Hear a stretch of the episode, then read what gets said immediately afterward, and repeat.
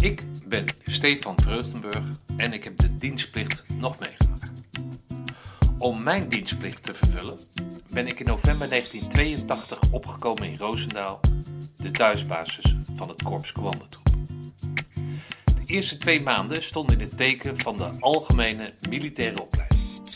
De daarop aansluitende elementaire commandoopleiding, de ECO, is de basisopleiding voor elke aspirant commando. Deze wordt gezien als de zwaarste opleiding binnen de krijgsmacht, waarin de militair acht weken lang fysiek en mentaal op de proef gesteld wordt. In de ECO heet de soldaat cursist en is herkenbaar aan het dragen van een tokkeltouw en een mutstas. De mutstas is de standaard wollen sjaal die op een bepaalde manier tot een hoofddeksel gevouwen is. In deze Mutstas podcast interview ik mijn oude dienstmaten waarmee ik de groene beret heb behaald. En probeer uit te vinden hoe zij de ervaringen van bijna 40 jaar geleden hebben gebruikt in hun werk en privé. In goede en in slechte tijden. Lichting 83.4. Vandaag in de Mutstas podcast sportarts Frank van Helmond, geboren in Nijmegen, maar ondanks dat een echt Utrechts jongen. Beschermd opgroeiend in het Utrechtse tuindorp weet hij zijn ouders grijze haren te bezorgen met een haperende middelbare schoolcarrière. Roosendaal wordt gezien als dé oplossing. Frank verovert zijn groene beret en maakt een bewogen parate tijd mee. Leer in dit interview hoe een bevoorrechte, maar ogenschijnlijk stuurloze jonge vent in Roosendaal arriveert, de dienst verlaat met de groene beret in zijn bagage en daarna zijn toekomst zeer gedreven weet vorm te geven.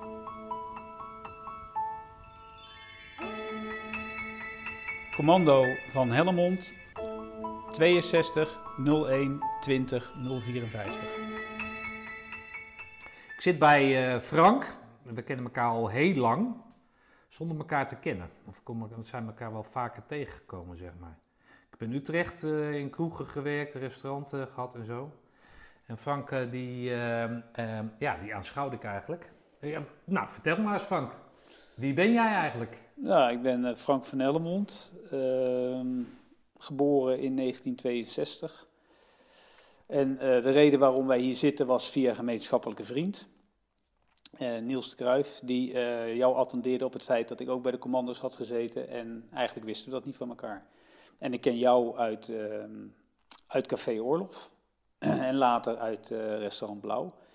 Eh, dus je was een bekende Utrechtse horecajongen. Hè? eh, dat, ja, en dat, dat verspreidt zich. En als je dan ook in die gelegenheden komt, dan leer je elkaar op die manier kennen. Zonder ehm, iets te weten van wat daarvoor heeft afgespeeld. Wat zegt dat over dat wij elkaar, of van elkaar niet weten dat wij eh, commando zijn geweest? Wat zegt dat?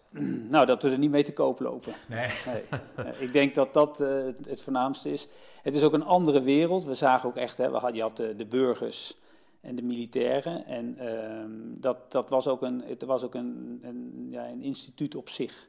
Dus als je dan weer in de gewone burgerij eh, kwam, dan praatte je erover als je erin zat. Maar toen je er eenmaal uit was, ja, dan kwam dat nog wel te sprake. Eh, maar niet zodanig dat, dat, eh, eh, dat je daar verder mee te koop liep. Hè, het stond ook ver van vele bedden af, om het maar even zo te zeggen. Maar in je diensttijd, hoe, was jij er vol van? Of, of kon je dat in het weekend ook van je afzetten? Of wat, wat voor een... Wat voor een... Nou, kijk, natuurlijk ben je er vol van, want het is iets totaal anders. Vanuit de schoolbank naar een, eh, een, een legerbed, ja, dat is een behoorlijke overstap. En eh, je was ook, ehm, eh, was ook de, eigenlijk de eerste keer dat je ook echt lang, langdurig uit huis was. Hè? Dus je had niet die veilige omgeving van thuis. Maar je kwam in een kamer met tien man te liggen. En met alle, alles wat daar gebeurde ook. Het was echt een, een, een totaal andere wereld. En dan zeker ook eh, moest je nu eh, op een hele andere manier luisteren. Hè? Er waren, het was een bevel. En eh, je had ook heel snel geleerd dat alles wat een rang hoger was, kon je wat opdragen. En eigenlijk had je daar maar aan te voldoen. Ja. Hè? Dus nee, het is een totaal andere wereld. Dus dat bracht je ook mee naar huis.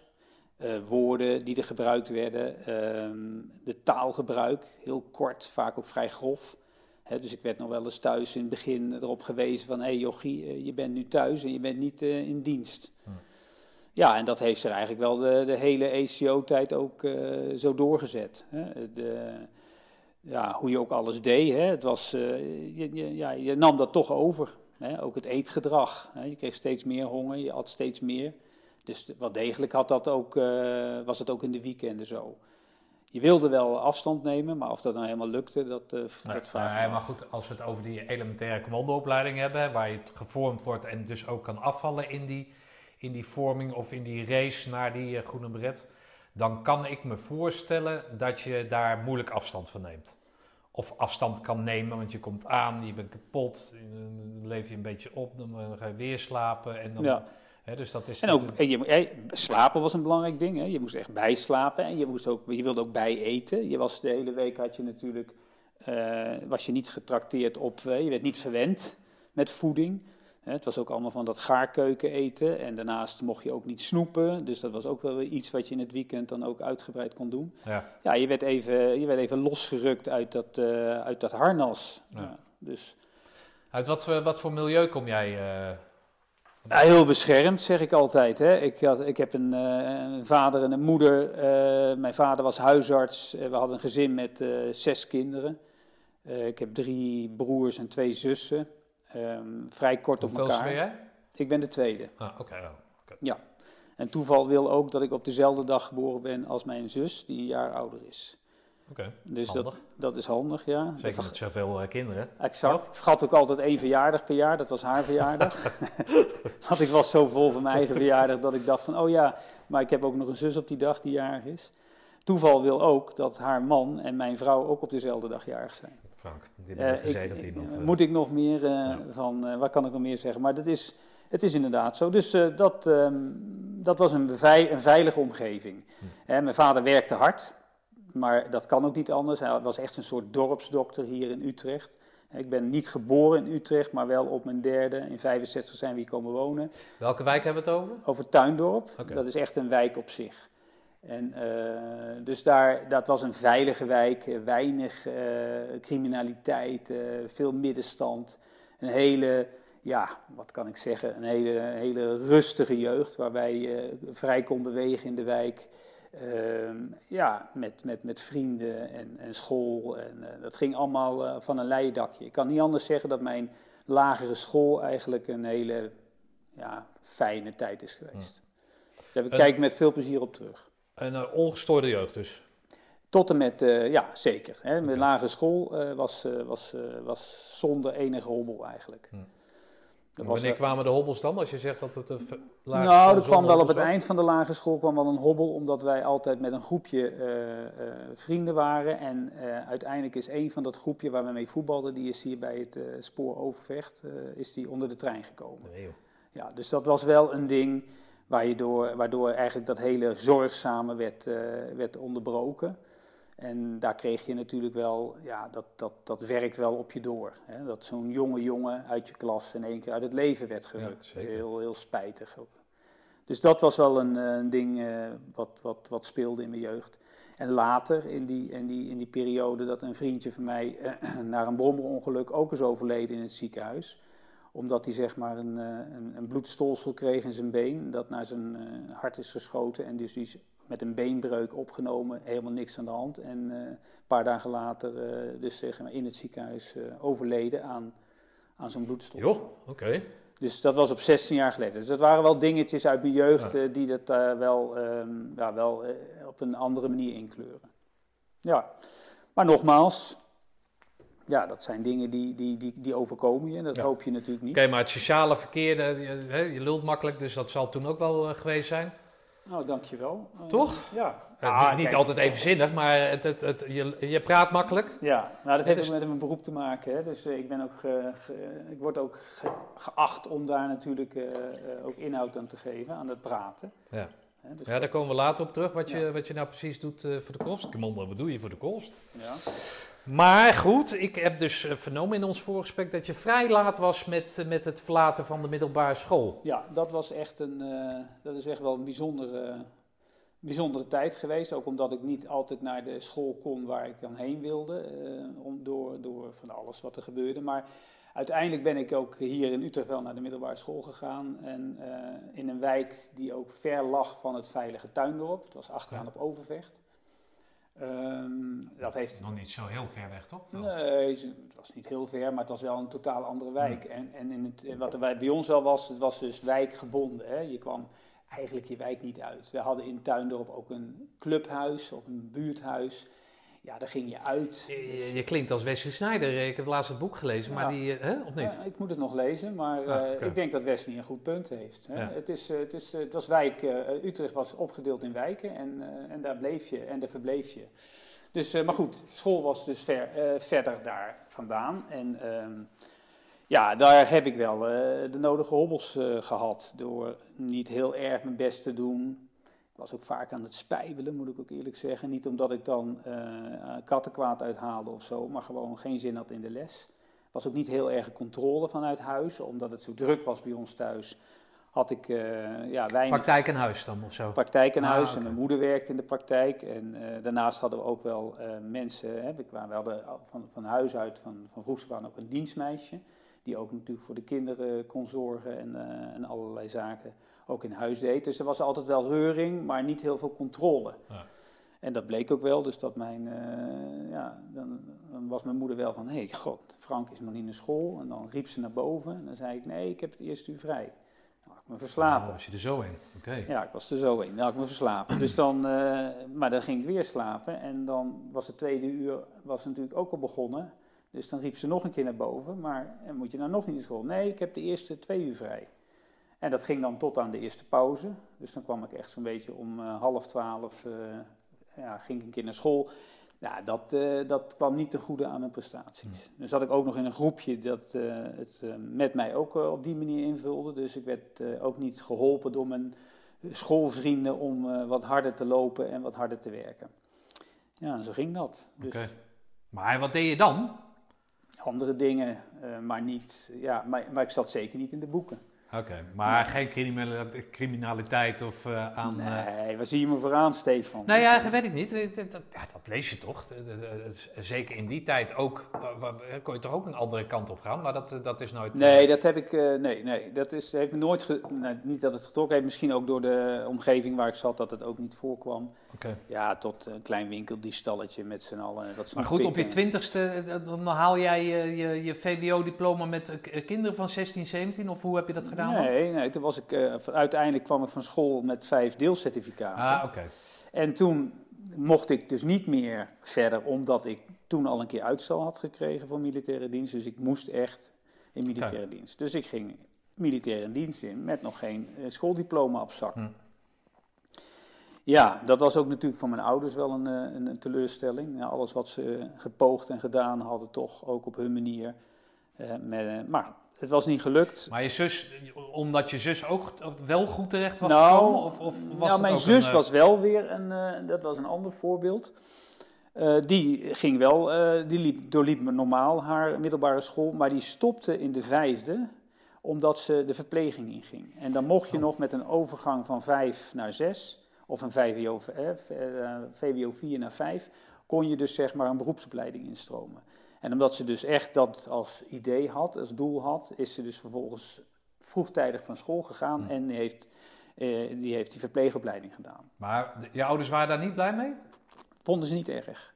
Omdat zij oh, dus, vonden ze niet erg? Dat vond ze niet erg. Oh, Nee, want zij wilde het zelf. Zij had Ja, eigenlijk... nee, dat kan ja. toch. Nee, maar dat er dan nog een deceptie achteraan komt. eh, Nou ja, dat heb ik nooit aan ze gevraagd. Maar ze vonden, waren natuurlijk niet gelukkig met het feit hoe ik mijn middelbare school invulde. Ook omdat ik vanuit de lagere school echt een, een, een, een, VWO-advies had gekregen. En dat ik op de middelbare school ook al mijn docenten zeiden: hij doet niks. En daarom, maar hij kan het wel. Hij Ja, kan het dodelijk wel. natuurlijk. ja. Hè, voor ja wat ik zei op een gegeven moment tegen mijn vader: joh, laat me nou de HAVO doen. Dan maak ik die af. En toen zei hij: ja, maar als je die afmaakt, dan zie ik jou nooit meer naar het VWO gaan. Dus die had eh, in zijn hoofd geprent: dat moet het worden, dat zal het blijven en daar blijf je op zitten. Nou, Maar wat heeft jou dan eh, eh, gebracht? eh, hoe is het eigenlijk allemaal goed gekomen dan? Want ben je in dienst gegaan? Waarom, Ja. ben, je, waarom ben je daarheen gegaan? Nou ja, omdat ik moest. Ja, hè, nee, snap nummer ik, maar en het ka- een Je had ook KCT. chauffeur kunnen worden. Of, eh, Nou, mijn vader die had er dan ook wel van, nou wie niet, leer, wie niet horen wil, moet maar voelen. Ja. Dus die had zo'n dienstkaart ingevuld en die had inderdaad ook aangegeven dat ik zowel naar Libanon als naar het KCT. hij wilde je kwijt. Hij wilde me niet kwijt, maar hij vond wel dat het eh, tijd werd dat ik het maar eens op een andere manier Hm. leerde. Nou, eh, vrij rigoureus. en de KST dan nog niet zozeer, maar als ik naar mezelf kijk, vond ik dat, dat Libanon, hè, dat, dat, dat ongewisse wat daar lag. Het was nou niet dat, dat ik dacht van, nou, dan ga ik daar. Maar je vader had dus wel zoiets van, nou, dan moet het jochie maar voelen. Exact. Dus uiteindelijk werd ik dit jaar daarvoor werd ik opgeroepen voor Libanon. Toen kreeg ik nog een jaar respijt, omdat ik nog op de middelbare school zat. En vervolgens, eh, het jaar later, werd het niet het Libanon, werd het het KCT. Oké.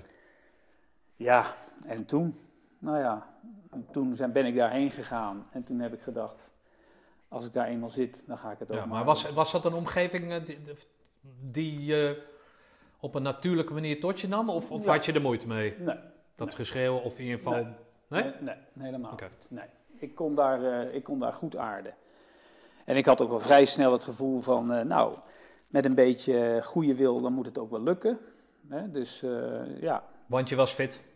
ja, ik was fit, hoewel het eh, weekend ervoor ging nog even uitgebreid met mijn vrienden vieren dat ik... eh, dat ik Commando zou worden. Nou nee, dat ik dienst inging. Want dat was natuurlijk niet. En toen ben ik wel heel hard op mijn bek gegaan en tegen een, iets aangegleden, waardoor ik de eerste week wel het gevoel had, de eerste weken, iets van een gekneusd ribje. dat zat me toch wel dwars, ook met al die, die, die, die appeloefeningen. Maar eh, ja. dat mocht de pret niet drukken. Ik bedoel, daar ben ik... In die zin ehm, dacht ik ook van, oké jongens, nou even ophouden met al die flauwte. Oké, maar eh, de, de keus die je vader heeft gemaakt, daar kon je je achter scharen.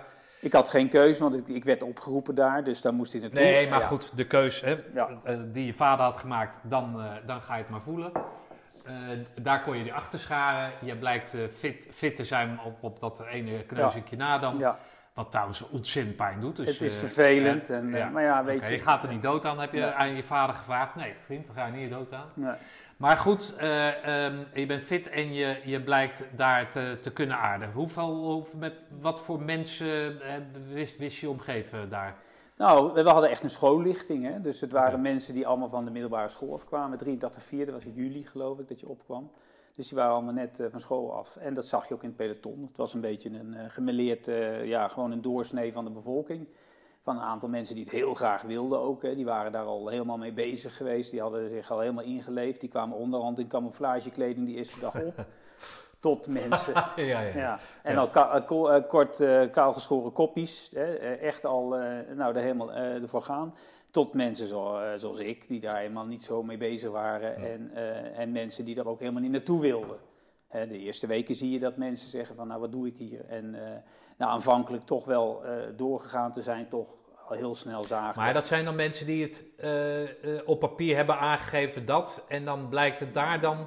Ja, Of zijn er. Mogelijk, of ze Ah, hebben dat gewoon helemaal niet aangegeven. En ze werden, ik weet het niet. Maar dat Ah, waren ook mensen die daar eh, helemaal niet op zaten te wachten. Op, die, eh, op dat hele gebeuren daar. En die ook heel snel een afkeer hadden van, eh, van alle regels. Oké, maar nou, nou lijkt jij mij wel een figuur die makkelijk in een groep valt. Eh, Was, Ja. was, was dat daar ook? Ja, je hebt, het is heel simpel. Je hebt altijd een aantal die zijn door hun uiterlijk, dan wel door hun gedrag, vallen ze een beetje buiten de, nou, zeg maar de, de middenmoot. Hè. Dat zijn de, de uitzonderingen. En Ja, die worden natuurlijk ook wel in dat soort groepen ook op, op de hak genomen. Niet alleen door de instructeurs, maar ook door de groep onderling. Had ik helemaal geen last van. Hm. Ik was niet te lang, ik was niet te klein, ik was heel gemiddeld in alles. En, en, en ook alle andere dingen die daar gedaan moesten worden, die deed ik gewoon zeg maar in de middenmoot. Ik kon aardig lopen, ik kon, dus ik was niet iemand waarvan je dus op een gegeven moment zou zeggen, nou die kunnen we dan nog wel eens even, eh, je valt op, Ja. op wat voor manier. Hey, en hoe was de gemeleerdheid door, door, het, eh, door het land heen? Qua, qua veel randstedelingen? Of, of, eh, of was het echt, echt een, eh, een ratje toe van, eh van mensen? Ja, het kwam een beetje overal vandaan. We hadden een aantal limbo's, we hadden een aantal eh, jongens uit Groningen en uit eh, Friesland, weet ik niet, maar uit het noorden zeg maar, en het oosten. En we hadden eh, een aantal Twente, maar ook een aantal Amsterdammers. Er zaten een stuk of vier, vijf Amsterdammers. Oké. Eh, die zich ook altijd lieten gelden in die zin. Nou, jongens een beetje uit het midden van het land. Ja, Zeeuwen niet. Nee, een Brabanders. Ja, het was een, eh, wat ik zeg, het was een... eh, het was een Oké. een En jij, jij bewoog je daar makkelijk? Ja, zeker. Ah, zeker. oké. Ja. Nou, ja, nou, nogmaals, het lijkt me niet moeilijk. Maar goed, ik kan me wel voorstellen dat je een bepaalde strategie hebt uitgekozen... waardoor je misschien met sterke mensen optrekt... of juist met een bepaalde groep wil opgaan. In zo'n of- kamer, hè. Je kreeg op je een gegeven moment, op, op, je werd op eh, alfabet werd je op een kamer gelegd. Oh, is dat zo? Ja? Ja, ja. Het was geen keuze die, eh, die je Nee, nee, nee, nee, Oh, nee, nee. De- wij lagen met alle A's bijvoorbeeld, hè, of Ah, alles wat erbij zat, de, de D tot en met eh, G, zoiets. Ah. En dat waren je kamergenoten, hè, dus daar had je dan ook wel de nodige, daar had je natuurlijk meer contact mee dan met anderen. En er waren wat andere mensen die je gewoon kende, die lagen in de zaal daarnaast.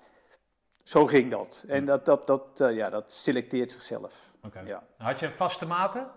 Ja, er waren wel een aantal jongens waar ik, eh, eh, onder andere op de kamer, die lagen ook weer in de tent. Want dat was natuurlijk voor ons ook weer dat alfabet gebeuren. En ja, dan, dan heb je gewoon een groepje om je heen waar je ook ja, waar je een kletsje mee maakt. Ik rookte nog in die tijd, dus dan had je ook een groepje dat af en toe met elkaar stond te roken. Ehm, ja, zo, zo, zo, zo selecteert ze eruit. Had Kan je s'avonds ietsjes naar beneden trekken? Want ik weet niet of je een baard hebt, maar dan eh, krijg je dat eh, zo'n zo'n knisperend geluid. Ja, nee, Ja. dus eh, dat waren de dingen die we, die we deden met elkaar. En eh, ook in de onderofficiers, wat was niet de, de EO-bar, VO-bar of zo, daar, eh, daar ging je dan s'avonds naartoe. Oké. Dronk je dan een biertje en dan, eh, ja, dan ontmoette je de mensen die dat ook deden. Oké. Ja. Maar go- goed, op een gegeven moment wordt het dan eh ECO-tijd. Ja. Dan kom je met, eh, met de instructeurs eh, in aanraking. Dan kom je met, het, met, met, met de, de race in aanraking. Hoe, hoe reageerde je daarop?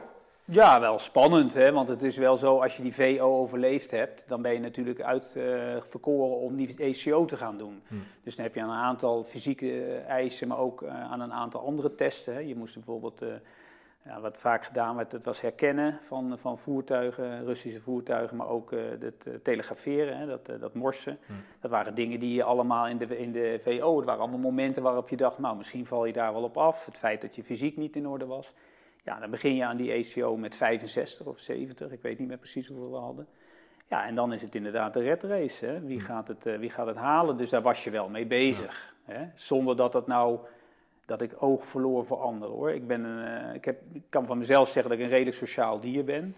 Dus ik was ook altijd wel eh, bewust om me heen aan het kijken van eh, wie heeft het moeilijk. Ik was niet een van de langste. Dus ik liep zo'n beetje in het laatste deel van het Stuk, ja. peloton.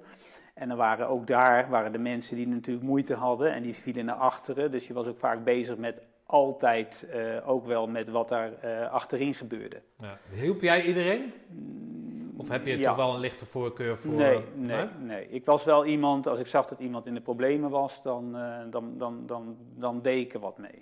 Ja, nou, deze vraag stel, dan vraag ik me af wat ik nou, wat ik dan deed. Ik kan me voorstellen dat ik bij sommige mensen dacht, weet je wat, zoek jij het lekker zelf maar uit met die grote bek van je.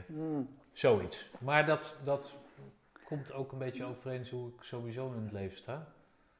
Eh nou ja, het gaat niet over mij. Het, eh, het gaat Nee, maar goed, jou. het is wel goed dat je dat aangeeft, van, want je vraagt natuurlijk wat ik, dan, wat ik dan deed. Dus dan betekent dat je er zelf natuurlijk ook wel of al over nagedacht hebt, of dat je daar... eh, Nou ja, je- hebt het al benoemd en ik, ik heb het daar heel graag over, over de Amsterdammers en mijn afkeer van. ja. Sorry Amsterdam. Maar het, het, het- de bravoure, de, de, de, de, de, de, de zelfingenomenheid, dat, dat zit heel dicht bij, bij wat Amsterdam uitstraalt. En dat heeft Nederland profijt van en, en een merendeel van de mensen. Maar niet iedereen. Snap je? En dat had ik daar wel moeite mee. Dat je, dat je nou ja, ik had eigenlijk af en toe ook wel medelijden dat als je je zo presenteert, weet je wel, dat, dat je dan dacht ik van ja, hoe, waarom doe je dat nou? Want dan maakt je, je, maakt het, je roept het over jezelf af, snap je?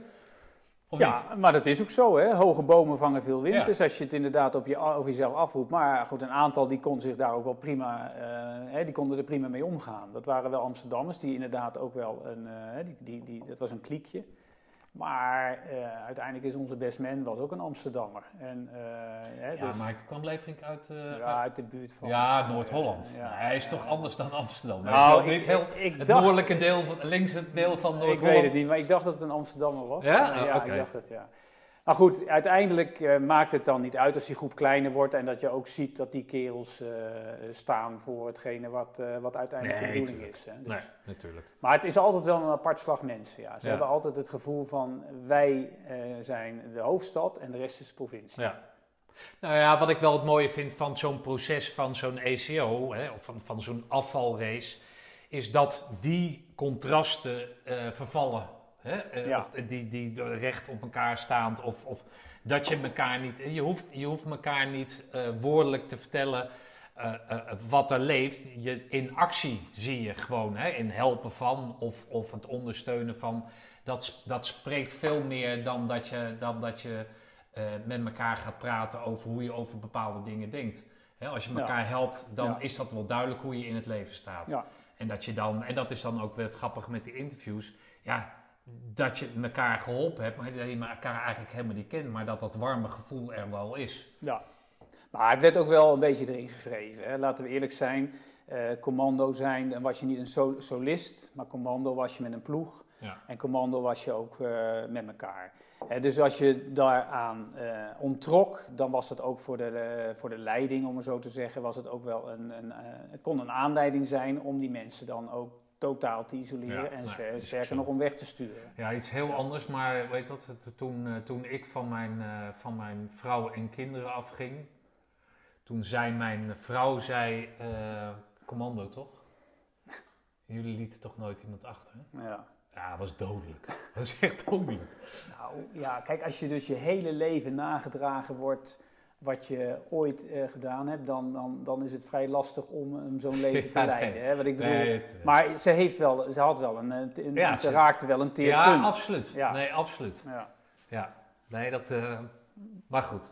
Maar goed, eh, de, de, de, het gevoel bij, eh, bij je vader, bij je moeder, die, die jou natuurlijk naar de verdoemenis hadden zien gaan. En zij werden op een gegeven moment opgebeld, of middels een kaartje toen de tijd, of wat dan ook. Van eh, nou, het zit eraan te komen Ja. dat hij het gaat halen. ja, Hoe, eh, hoe, hoe, werd, dat, eh, hoe werd dat ontvangen thuis? En, en, en, en hoe ging dat die laatste dag bij die tranenpoort? En, en hoe, is dat, hoe is dat het, bij eh, jou? eh, dat heeft wel eh, indruk gemaakt, absoluut. Ook in de familie. Hè. Eh, ik was natuurlijk altijd niet het, het lachertje, want ik kon het wel, maar ik deed het niet. En dat hij nu dus zeg maar, bij die commandoopleiding eh de groene beret ging halen. Want mijn vader heeft ook in het leger gezeten als arts, militair arts. Dus die had natuurlijk ook wel eh, enige eh, eh, ervaring, maar voeding ook, eh, voeling met het hele apparaat. En eh, ja, de rest van de familie was wel bekend hè, met ja, wat het betekent. Eh, dus dat, dat, dat gaf wel een enorme, laat ik het zeggen, boost voor mijn, eh, voor mijn vertrouwen, maar ook hoe er tegen mij aangekeken werd. Ja, en ik moet ook eerlijk zeggen, ik had, eh, mijn huidige vrouw was ook toen al mijn vriendin. Oh, oké. Hè, Oh, dus, mooi. Ja, dus die heeft dat ook, dat hele proces ook van... eh, Die stond daar ook. Ja, ja. Dat meen je niet, joh. Ja, ja, ja, ja. Dus die heeft het hele Oh, proces leuk. ook meegemaakt. Ja, dat gaf natuurlijk ook eh, eh, aan, aan die kant, maar ook gewoon het hele idee was... hey, rustig. Rustig. Zo gaat dat met bijles. hey. Doet. Oh, dat is wel, eh, dat is wel speciaal. Ja, dat was het zeker. En eh, dat gaf ook dat zij ook die hele, eh, hè, dat hele proces daarheen heeft meegemaakt. Dus ehm, nou, dat was een extra, een extra dimensie, Hm. absoluut. Maar mijn ouders waren er ook en die hebben die hele dag ook meegemaakt. En zoals bij iedereen waren ze daar ook van onder de indruk. Ja. Je raakt toch automatisch onder de indruk van, van het hele gebeuren. Ja. Ja. Maar hoe trots was jouw Ja, vader? heel trots. Ja? heel trots. Maar dat Ja. hij jou die schop heeft gegeven? Nou, daar was hij ook blij mee. Want uiteindelijk leidde het tot iets. En het was, eh, voor alle partijen was het eigenlijk wel een, eh, had het een hele goede uitwerking. hey, Toet, we zijn bezig hier. Kom op. Maar de, de relatie tussen jou en je vader is daardoor verbeterd? Mijn vader en ik hebben altijd goed met elkaar. Oké. Dus maar ik heb, jij begreep, toen begreep je wat, die, wat, Ja, wat, kijk, die gevra- wat, wat ze gevraagd hadden? ja, dat begreep ik daarvoor ook wel. Ik vond nooit dat ze onredelijk waren. Ja, en eh, het feit dat ze me, me stimuleerden, dat ze wilden dat ik deed wat ik kon, dat snap ik. En die kans had ik ook. Hè. Ik bedoel, eh, de mogelijkheid was er ook. Hè, het was niet zo van, nou ga jij maar werken, want we hebben het geld nodig. Of eh, nou is het Nee, klaar. die. In die omstandigheid zat ik en dat heb ik ook altijd zo gevoeld. Het is ook mooi dat je ook niemand de schuld kan geven, alleen jezelf. Ja. Nou, dat, eh, in, in, die, eh, in die fase zat ik echt ook in mijn leven. Ik was nooit zo van ja, maar dit nooit. Nee, Nee. Dat, dat, dat, Ik dat heb hij- geen kansen. Kijk ons nou wonen hier Nee, in deze negerij. Dat, Ja. wat, wat denk je nou? Ja. Ja, dus dat, eh, dat is er nooit geweest. Dus dat heeft er ook nooit ingezeten. Dus ja, er was dus ook nooit een discussie of een wrijving over. Dus ik heb mijn vader ook nooit dat enige verwijt gemaakt. Oké, Maar dan ging er dan wel wat door je heen met die groene beret op toen je je vader omhelsde dan. Ja, nou ja, goed, weet je, dat is automatisch dat je eh, het ook mooi vindt omdat je iets kan laten zien. Hè? Je kan Oudste zoon natuurlijk. Oudste zoon, ja, Ja. ja. Dus dat had inderdaad wel degelijk een, eh, dat had een, een behoorlijke impact. Ja. En eh, zowel op mij als ook op mijn omgeving. oké. Ja. Nou, dan ga je die parate tijd in. Ja, En dan, eh, dan eh, doe je allerlei spannende dingen? Of vond Ja, je dat wel meevallen? Nou, dat, dat, maar ik moet ik zeg, kijk, ik ging die parate tijd in en in het begin dan is het nog een beetje eh, zo'n zo'n post-ECO-tijd. En in die post-ECO-tijd eh, heb ik een ernstig ongeluk gehad. Oh, wat dan? Ja, toen, ehm, en het is ook een dienstongeluk, dus we zijn uiteindelijk, eh, het was een keer op een, een vrij, ik weet het nog goed, vrijdagmiddag. Eh, we moesten nog wat eh, activiteiten ontwikkelen en we gingen dus de klimtoren in, maar gezien het, eh, de weersomstandigheden was het niet veilig genoeg. Dat stond op het programma. Want?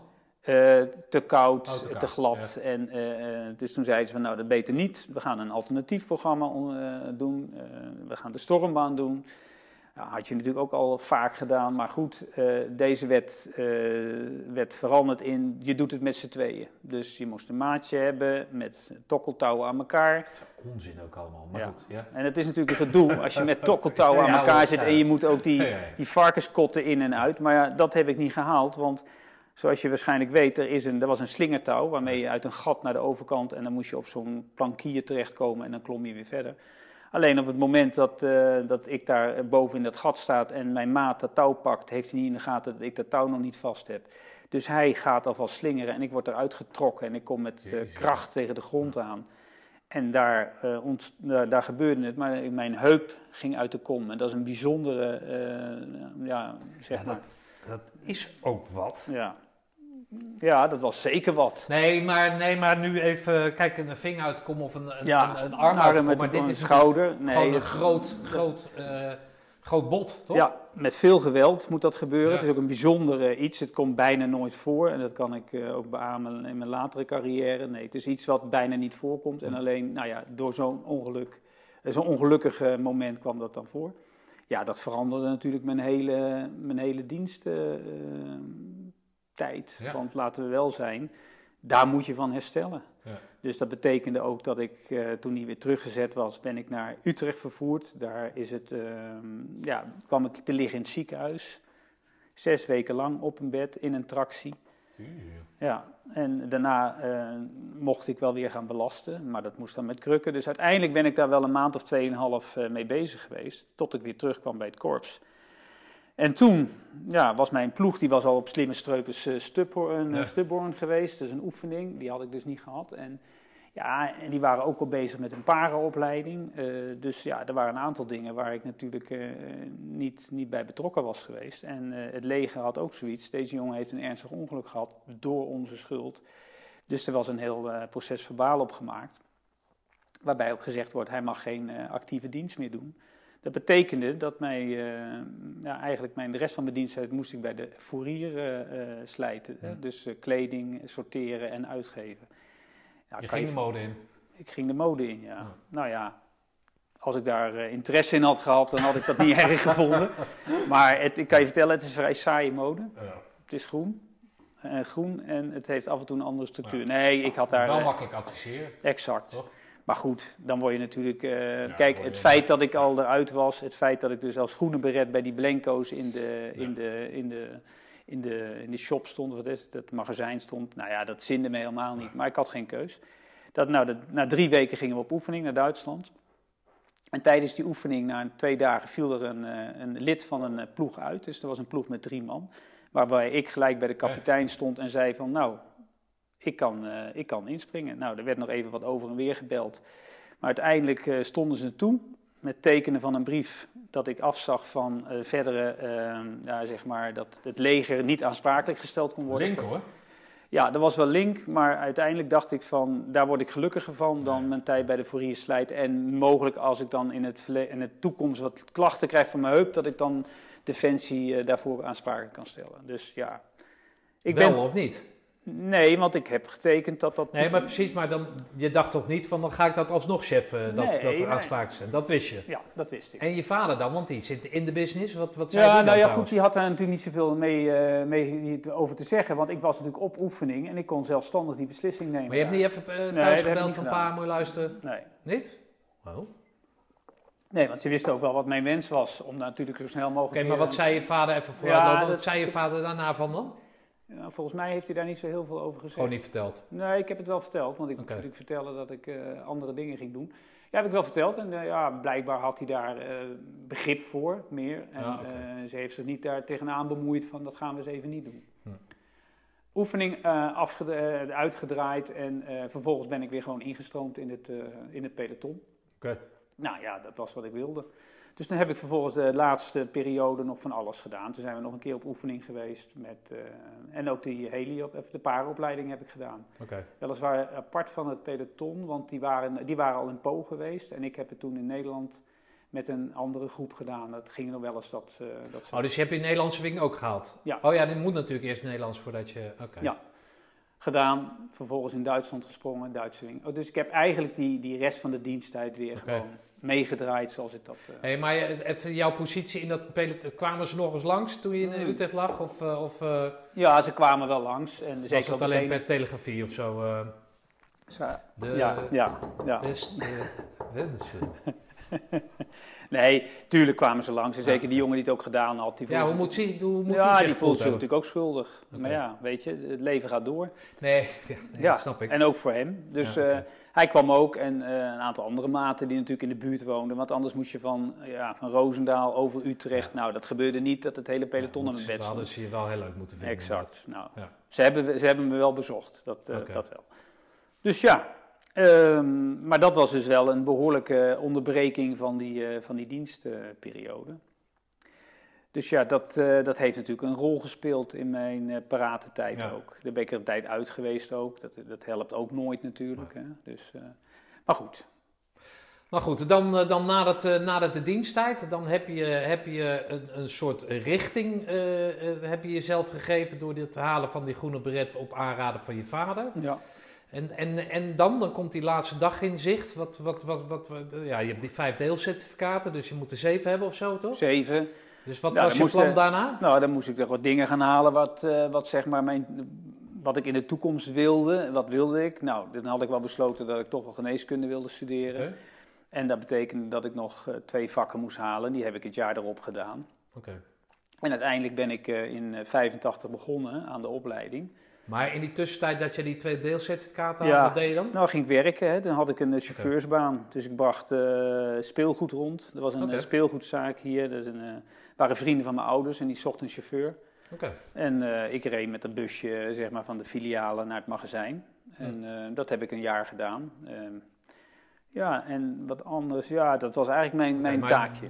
Voel je, voel je nu dat de focus toen anders was door dienst? Ja, Ja? kijk, ik, ook in dat werk zag ik gewoon wat zeg maar het inhoudt als je niet een opleiding doet en daar eh, in dat, in, dat je je zeg maar vanuit dat werk moet opwerken. Nou, dat zag ik absoluut niet zitten. Ik was altijd blij dat ik dacht van oké, dat wordt mijn doel en daar ga ik voor. eh, daar ga ik voor. Dat ik dat ook kon, eh, op die manier kon doen. Het enige met geneeskunde is dat je een eh numerus fixus hebt. Dat betekent Ja. dat je moest loten. Dus het was niet gezegd dat je zomaar inloten. Hm. En eh, nou ja, dat geluk kan ik wel zeggen. Ik lote wel in één keer in. Want als dat ook nog een ba- eh, Ja, vertraging had opgelopen, dan, dan begon ik wel heel laat natuurlijk aan. Nou heb ik natuurlijk niet minder, een- niet, niet minder eh, hoe noem je het, waardering of eh, bewondering voor. Maar jouw, jouw zegen is natuurlijk geweest daarin, in dat hele leren, dat je wel wist dat je kon leren. Ja, Het was aanwijsbaar waarom je op je twintigste pas, eh, Ja. zeg maar, nou ja, de dienst in moest. Omdat je geen flikker deed. exact. Dat, is beter, dat, is toch, dat is toch een Maar, geruststelling, toch? eh, Ja, ja, nee, dat klopt. Nee, ik kan ook niet een andere, eh, een andere eh, reden verzinnen. En dat doe ik ook niet, want het is wat het is. Hm. Eh, ik zeg, eh, ik deed leuke dingen, maar ik deed niet de juiste dingen. Of tenminste de juiste dingen om ook eh, naast mijn school ook nog eens een keer, eh, naast mijn andere leuke dingen ook nog eens een keer die school eh, normaal te doorlopen. En dat Ja. had makkelijk gekund. Maar goed, dan was ik waarschijnlijk niet naar de commando's gegaan. Dan was ik waarschijnlijk naar eh, Assen gegaan. Dan had ik bij de infanterie gezeten die ook eh, klaargestoomd werd om naar Libanon te gaan. Ja. Dus dan was dat zeg maar niet op mijn pad gekomen. Nee. En zo moet je het... Ja. Ja, nee, dat is natuurlijk allemaal met de wetenschap achteraf. Maar oké, dus dan haal jij dan die, die deelcertificaten, dan heb je je ingeschreven, dan word je ingelood. En dan, waar, waar heb je gestudeerd? Amsterdam. Oké, dus ben je naar Amsterdam gegaan of ben je... eh, Ja, kijk, we hadden wel de keus van waar wil je studeren. En het was zo dat ehm, ehm, Utrecht was ook een, eh, een, een stad waar, eh, die, die stond hoog op het lijstje. En de twee Amsterdamse universiteiten die stonden wat lager. Dus als je voorkeuren opgaf, hè, denk nou, ik woon in Utrecht, ik wil er ook blijven. Dat is Utrecht op één, Amsterdam één, eh, de, de, de UvA en de VU, die had ik dan als twee en drie. Dan kan ik dat nog bereizen, dacht ik. Hmm. Dat was de enige reden. Nou, vervolgens werd ik wel ingelood, maar in Amsterdam geplaatst.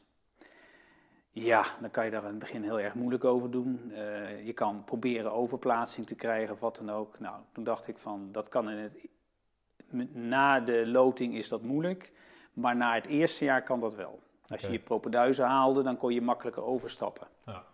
Nou, dat was Maar ook- jij bent dan een Utrecht jochie, dus jij wilde in Utrecht blijven. Ja, weet je. vast eh, Ja, ik, in ik mijn heb... eigen wijk. eh, dat? Exact, daar zat ik niet meer, maar ik, ik was wel zo Utrecht, mijn stadje, zoals we hier zeggen. En dat had voor mij wel de meerwaarde om daar ook te blijven. Ik vond het leuk ook hier studeren. Ik kende natuurlijk ook het uitgaansleven. Dus ik dacht van het, het, het, het liefst Utrecht. Goed, werd het niet. Na een jaar dacht ik, ik stap over. Ik haal mijn propenduizen. Ik was met nog een jongen uit, eh, uit Doren, eh, waarmee ik samen naar Amsterdam reisde. En die zei van, eh, nou, ik, ik haal mijn propenduizen en stap ik over. Dat ging heel makkelijk. Waren het niet dat ik een twee maanden, een, er gebeurde iets in dat eerste jaar. Waardoor ik dus zeg maar mijn herkansingen na de zomer moest doen of tijdens de zomer. En mijn propenduizen dus niet in dat, meteen in dat, eh, Ja, in dat, in dat eh, Dus voor het makkelijk academische om jaar het in af. Amsterdam te blijven doen. Nou ja, niet makkelijker. Ik had eh, toen op een gegeven moment ook geen keus. Omdat ik dus Oh, zeg zo. maar, ja, mijn propenduizen haalde ik niet in juni, maar in september, om even iets te zeggen. En dat was dan net even uit het, uit het normale ritme. Hm. Dus toen was ik gedoemd, zeg ik dus aanhalingstekens, om in Amsterdam te blijven. Dus heb ik mijn opleiding in Amsterdam afgerond. Maar je bent daar niet gaan wonen. Ik heb er even gewoond, maar dat was meer vanwege mijn kooschappen.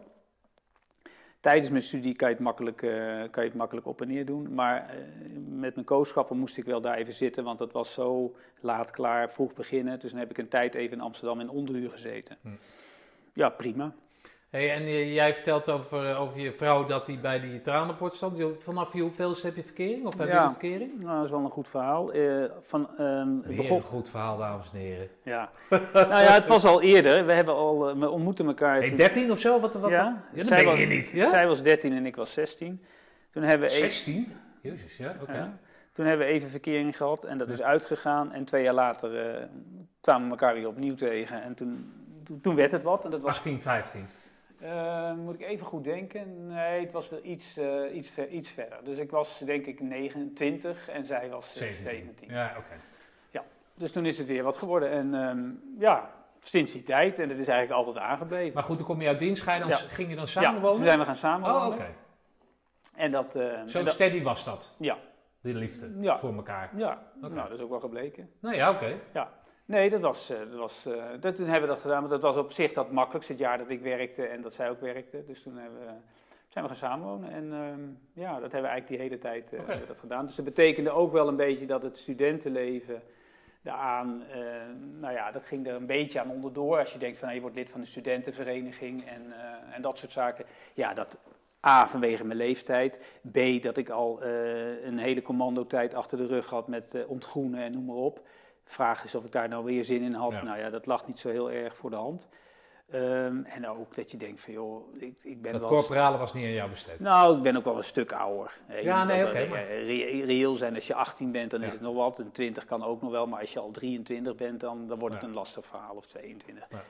Ja. Dus dat, dat lag daar. Plus dan het samenwonen. En dat maakt- samenwonen, Ja, ja. maak je natuurlijk een hele andere positie komen te Absoluut, staan, toch? absoluut. Voor jezelf vooral. Nee, zeker. Ja. Ja, die, die, die, die, die keuzes maak je dan en dan, dat betekent als je, eh, ik zeg altijd, als je een keuze maakt, dan neem je afscheid van een ander, hè, van een ander iets. Dus, Maar maakte dat je, als je toen jij 23 was, dat je er gas op ging geven op, op ja, want dat moet ook wel, want je moet ook niet, je, je moet je ook realiseren, kijk, als je geneeskunde studeert, dat is een basisopleiding en daarna moet je naar een vervolgopleiding. En die vervolgopleiding die wordt met name ingevuld op grond van leeftijd ook. Ja. Dus als je daar aankomt en je bent al eh, pensioengerechtigd, dan Ja. zullen ze je niet zo snel een opleiding nemen, eh, geven. Dus dat was ook wel bepalend. Ja. Maar goed, voor mij was het makkelijk. Ik ging studeren en ik denk ik word huisarts.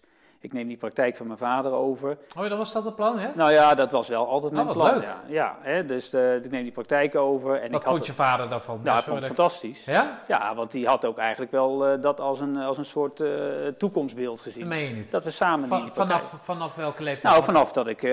hij dacht het natuurlijk altijd meteen al. Hè. Mijn vader was vrij duidelijk in, zijn, in, zijn, in wat hij zei. Die zei, ja, jij gaat dat doen en jij gaat dat doen. Dat, dat liep even anders. Uiteindelijk met een omweg kwam ik er uit- uiteindelijk toch terecht. En toen zei hij, ja, dan, ga je ook huisarts worden. Maar ik moet ook zeggen, ik vond het vak ook leuk. Ik zag hem bezig, ik zag de, nou ja, hoe hij hoe die dat bestierde. En eh, het vak dat was breed, je had van alles wat. Je kreeg kinderen en, en, en, oudere mensen en je leerde families kennen.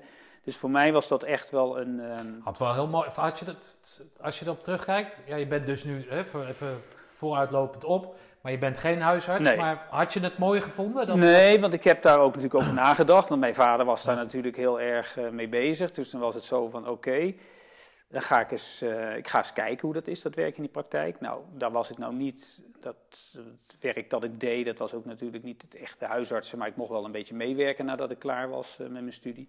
Dus heb ik daar niet voor gekozen, maar dat had ook te maken met andere dingen. Want toen ik klaar was met mijn studie moest ik wat eh, ervaring opdoen. Dus toen ben ik in het militair hospitaal gaan werken. Ja. Dus het hospitaal waar ik zelf ook ingelegen had in mijn diensttijd. Kwam ik overigens op een afdeling waar ook de orthopeed die me toen behandeld had, die daar nog steeds werkte. niet?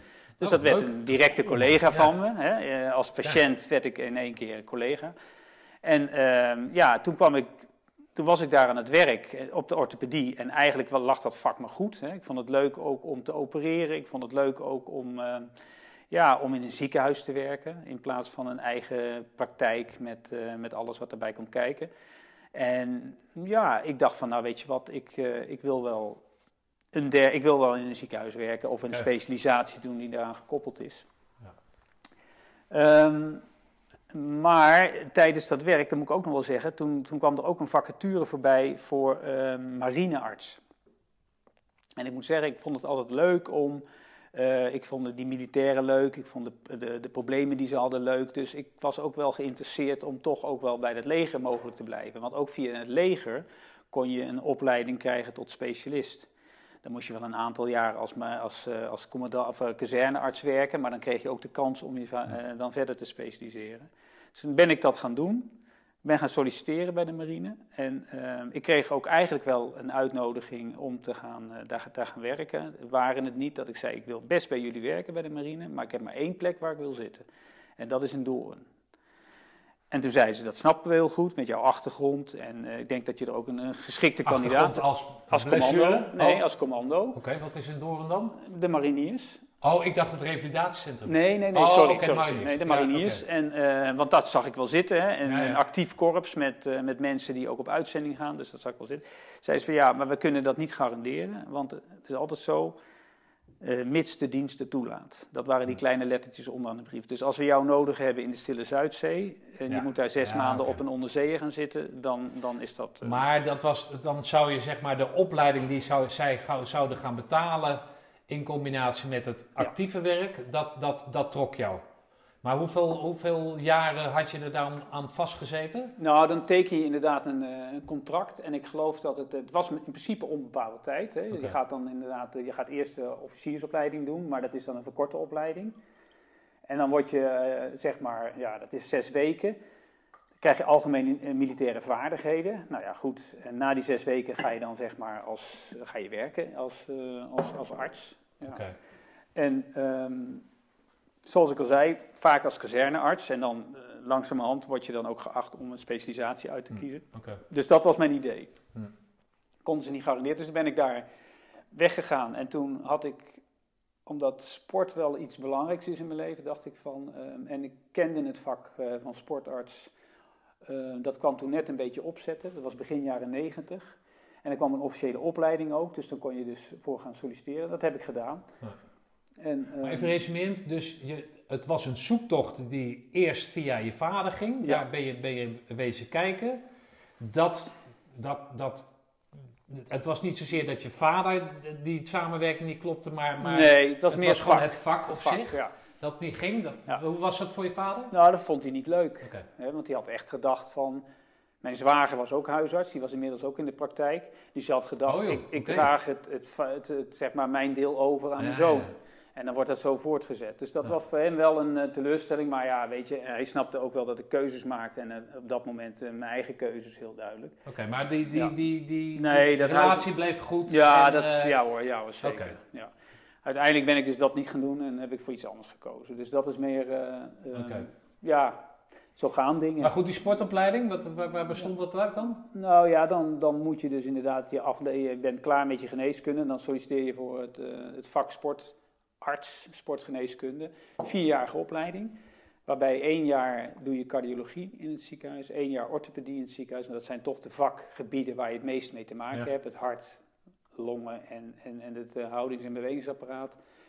En dan eh, twee jaar op een afdeling eh, sportgeneeskunde. Waar je dus zeg maar het vak zeg maar, eh, als zodanig leert. Hm. Nou, dat heb ik ook weer in Amsterdam gedaan. Ehm, En al die tijd bleven jullie hier wonen? ja, altijd in Utrecht blijven wonen. Ja. En ehm, ja, dan was het Waren klaar. er toen al uh, coaches? eh, Nou, tijdens mijn opleiding, ja, want in, ik was in tweedejaars opleiding, 97. ehm, toen is eh, onze oudste zoon geboren. Oké, en die is nu? Ja, dat kan ik uitrekenen. Maar Nou, die is nu eh, 21. hè? Ja, nee, eh, even kijken. Hij is in 97, eind 97, hij wordt nu 23. Oké. Ja, dat eh, kon ook wel, want ik had gewoon een baan en ik verdiende eh, geld. Dus eh, Ja. kijk, uiteindelijk als je je studie, de basisopleiding afgerond hebt, dan ga je werken als assistent en dan Ja. heb je gewoon een normaal inkomen. Maar wat deed jouw vrouw dan? Toen, in Ja. het begin dat jullie gingen samenwonen, dus jij chauffeurde, je deed die twee dingen. Nou, dat, zij was verliefd op jou, mag ik aannemen toch? Ik hoop het. Ja. een keusvraag. Ja. Nee, en, en, maar wat deed zij? Zij werkte bij een bank, bij de Rabobank heeft ze heel lang gedaan. Ehm, verschillende afdelingen, uiteindelijk bij personeelszaken. Maar ook evenementen, dus ze deed van alles. En eh, dat heeft ze gedaan nou een hele tijd. Ehm, ja, en toen kwamen de kinderen. Dus dan was het een beetje, eh, het werk werd minder. Het was op afroepbasis dan ook. Ehm, en na de tweede, eh, na onze dochter, is zij de PABO gaan doen. Dus ze heeft echt wel een switch gemaakt. Iets wat ze eigenlijk altijd wel wilde. Maar dat is ook op latere leeftijd gaan doen. En daarom is ze nu, ze werkt nu ook op dit moment als juf Op een, eh, op een lagere school. Oh, wat leuk. En dat vindt ze, dat vindt ze Ja? fantastisch. Ja, Ja, vind- ja, ik ken haar dan hè, van de bar. Altijd zonder de man gelukkig. ja. Maar eh, eh, ja, dat zie ik echt doen inderdaad. Ja, dat kan ik me voorstellen. Hm. Ik denk dat je daar als ouder vooral heel blij van wordt. ja, Ja, Ja, dat je en- daar eh, zo ver kennen. Hè? Dat je daar hè, zo van, nou, gaan we naar school. Nou. Dan ga je met een gerust hart ga je naar huis. En om half drie of drie uur, weet ik veel wat, dan eh, ben je blij dat je het weer mag halen. Want ze, ze hebben vast een leuke dag gehad. Ja, dat geeft, dat geeft, zij, eh, dat, geeft zij, dat gevoel geeft zij inderdaad. ja, nou dat, dat, dat doet ze ook. Want ze steekt er niet alleen veel tijd en energie in. Ze is wel ook echt, eh, echt op een topjuf. Hm. Dus dat is zij eh, sinds ja, 2004 is die opleiding begonnen. 2008 is ze aan het werk gegaan. Oké. Ja. En maar goed, dan ben je sportarts. Ja. En dan? Nou ja, en dan eh, ga je kijken waar je kan werken. En in die tijd eh, scheurde ik mijn kruisband met het rugbyen. Dus toen kwam ik in het, ehm, Waar heb je geurgebied? bij de Utrechtse studenten hier. En dat is ook een, eh, was ook een verandering van, hè, ik, ik ging studeren. Toen dacht ik ook van, nou weet je wat, ik heb jaren gevoetbald. Ik, kon het goed hoor, ik zat in, in de selectie. Maar toen dacht ik van, weet je, misschien is het toch goed om eens een keer te veranderen. En verandering is altijd goed. Toen ben ik gaan rugbyen, hele andere omgeving, hele nieuwe eh, vriendenkring. Het waren allemaal jonge jongens. ehm, ja, het was een club die gerund werd door ons ook, hè, door de, de, de jeugd. In, Ja. in plaats van bij zo'n voetbalclub waar al Ja. van die oude knarren langs de lijn Maar commentaar voetbal, dat was van oudsher, toch? Want jij voetbalde al Ja. van jongs af aan. toch? Van mijn zesde. Ja. Maar niet altijd bij Hercules, Nee, het over hebt. nee. Kampong begonnen, Ja. eh, daarna Sporting 70 en daarna ben ik bij Hercules. Oké. Maar dat was vanwege dat je zo goed was dat ze je vroegen? Nee, ik ben gek joh. Wat Het was meer zo dat, eh, nou we hadden een gymleraar en die, ehm, die, die, die organiseerde schoolvoetbal, maar die zei van, als je bij Hercules komt spelen, dan stel ik je op. Met, dat was een soort van dreigementje, maar ik had niet het idee als ik er anders niet in had gestaan, maar hij gaf dat als een soort voorzetje. toch? Nou ja, toen dacht ik, ach, niet dat hij het wil, maar Oké, en wat speelden jullie dan eh, met Hercules toen? Eh, nou ja, we hadden de jeugd natuurlijk, maar later in, het, in de selectie. Ik ben er even tussenuit geweest, maar ik denk dat het toen de derde klas was.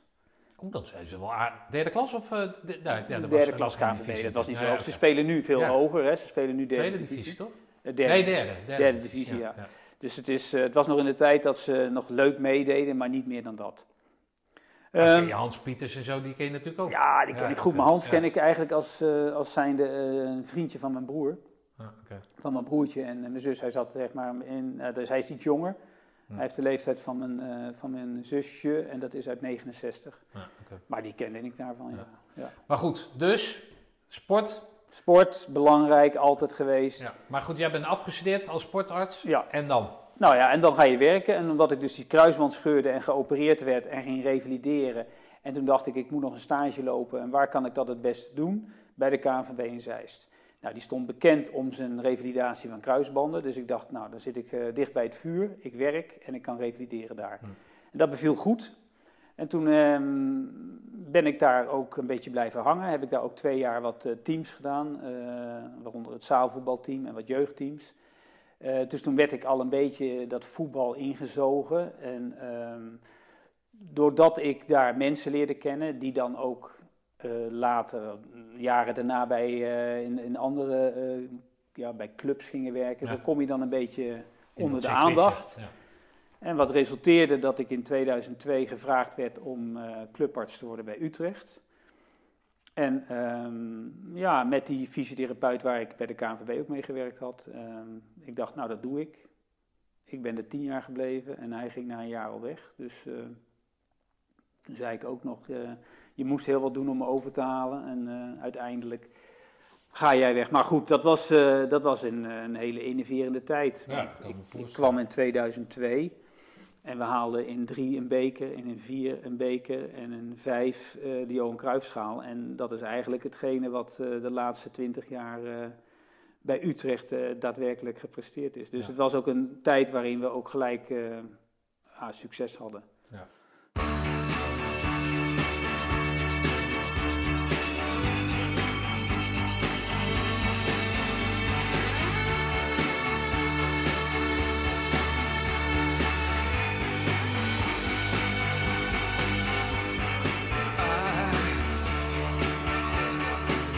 FC Utrecht zijn we gebleven. Ja. Ja, grote succes hè, voor, voor Utrecht. eh, Absoluut. Wat voor, een- wat voor een, eh, hoe, hoe zie jij jouw rol daarin dan? Het- Ben, ben jij dan, ja, natuurlijk euforisch hè, als, als er eh, successen worden behaald, maar, maar wat is jouw, hoe, wat, wat, ja. Ja, hoe beleef je dat? Nou ja, niet zozeer hoe beleef je dat, maar wat vind jij jouw aandeel Nou, in dat ding Kijk, dan? die is altijd heel beperkt. Hè? Want eh, ik zeg altijd, eh, bij de medische staf, daar zitten altijd mensen die geblesseerd zijn. Hè, dus, en eh, die, hebben maar, die zitten daar niet graag. Niemand zit graag bij de medische staf. Dus je hebt altijd een... Je moet zorgen dat je de gang erin houdt. Je moet de mensen duidelijkheid geven. Je moet ze gaan motiveren als dat nodig is. Hè? Ja, dat is wat je doet. Je hebt een hele ondersteunende rol. En het wordt soms wel heel belangrijk gemaakt, maar het, steeds belangrijker, hè, want er komt heel veel nadruk op te liggen. Maar ehm, je bent aan de ene kant de brandweer, als er iets acuuts is moet je ingrijpen. En aan de andere kant moet je zorgen voor de continuïteit. En je moet zorgen dat er onder die, die toplaag waar alles gebeurt, dat dat goed geregeld is. Dus dat was eigenlijk mijn rol. En, eh, zo ik Maar ik heb, ik heb het, het- het- een aantal van die docu docu's gezien over wielrennen. Hè, en dan, dan eh, vind ik sowieso qua teambeleving kan ik me daar eigenlijk niks zo goed bij voorstellen. Maar je hebt dus de wielrenner die wordt ge- gesteund door dat team. Dan zitten nog die, dat, dat, die, die technische jongens, hè, of de, de, de manager zit achter, achter het stuur. En, maar als, dan, als iemand dan wint, Weet je wel? Of als er een renner wint, dan wordt iedereen daarin betrokken. Ja, dat was bij ons ook wel zo. Alleen je hebt natuurlijk altijd hiërarchie in dat soort zaken. Hè? Dus het belangrijkste wordt de, is de spelers. Het gaat altijd om de spelers. Dan heb je natuurlijk de mensen die er direct omheen zitten, dat is de trainer. Die staat eigenlijk wel op hetzelfde niveau. Ja. En de technische staf die daarbij hoort. Ja. En zo gaat het naar beneden. En de medische staf vormt eigenlijk een aparte entiteit. Ik zei wel eens gekscherend, het is net als je blinde darm. Je merkt het niet en als je er last van hebt, dan knip je hem eraf. Daar Ja. wilde ik ook mee zeggen dat ook het budgetair je altijd een beetje onderaan bungelde. Eh, dat er altijd, oh, dan komen zij weer aan met een eh, vraag of wat dan ook. En moet dat nou? En je ziet het ook niet meteen terug. Hè? Kijk, als je een nieuwe speler koopt die, die beter is, dan zal je gelijk hopen dat het ook een kwaliteitsinjectie is in je, in je selectie. Ehm, maar eh, ja, die medische staf die moet gewoon zorgen dat die spelers fit zijn. En als ze niet fit zijn, is het wel een groot probleem. Maar het wordt niet heel. Kijk, een trainer doet een, een tactische wissel en dan eh, en ze maken. En, dat is een directer, veel directer op het resultaat. Ja, maar goed, jij bent natuurlijk wel belangrijk in het doorverwijzen en, en dat soort zaken bij zwaardere blessures of, Ja. of, of niet. Tuurlijk, je hebt Ja, een rol. dus- ja, je hebt een rol daarin. Je staat niet op het veld. Nee, je staat niet in de spits. Nee, je, soms beslis je wel eens dat iemand er niet in kan of dat hij eruit moet.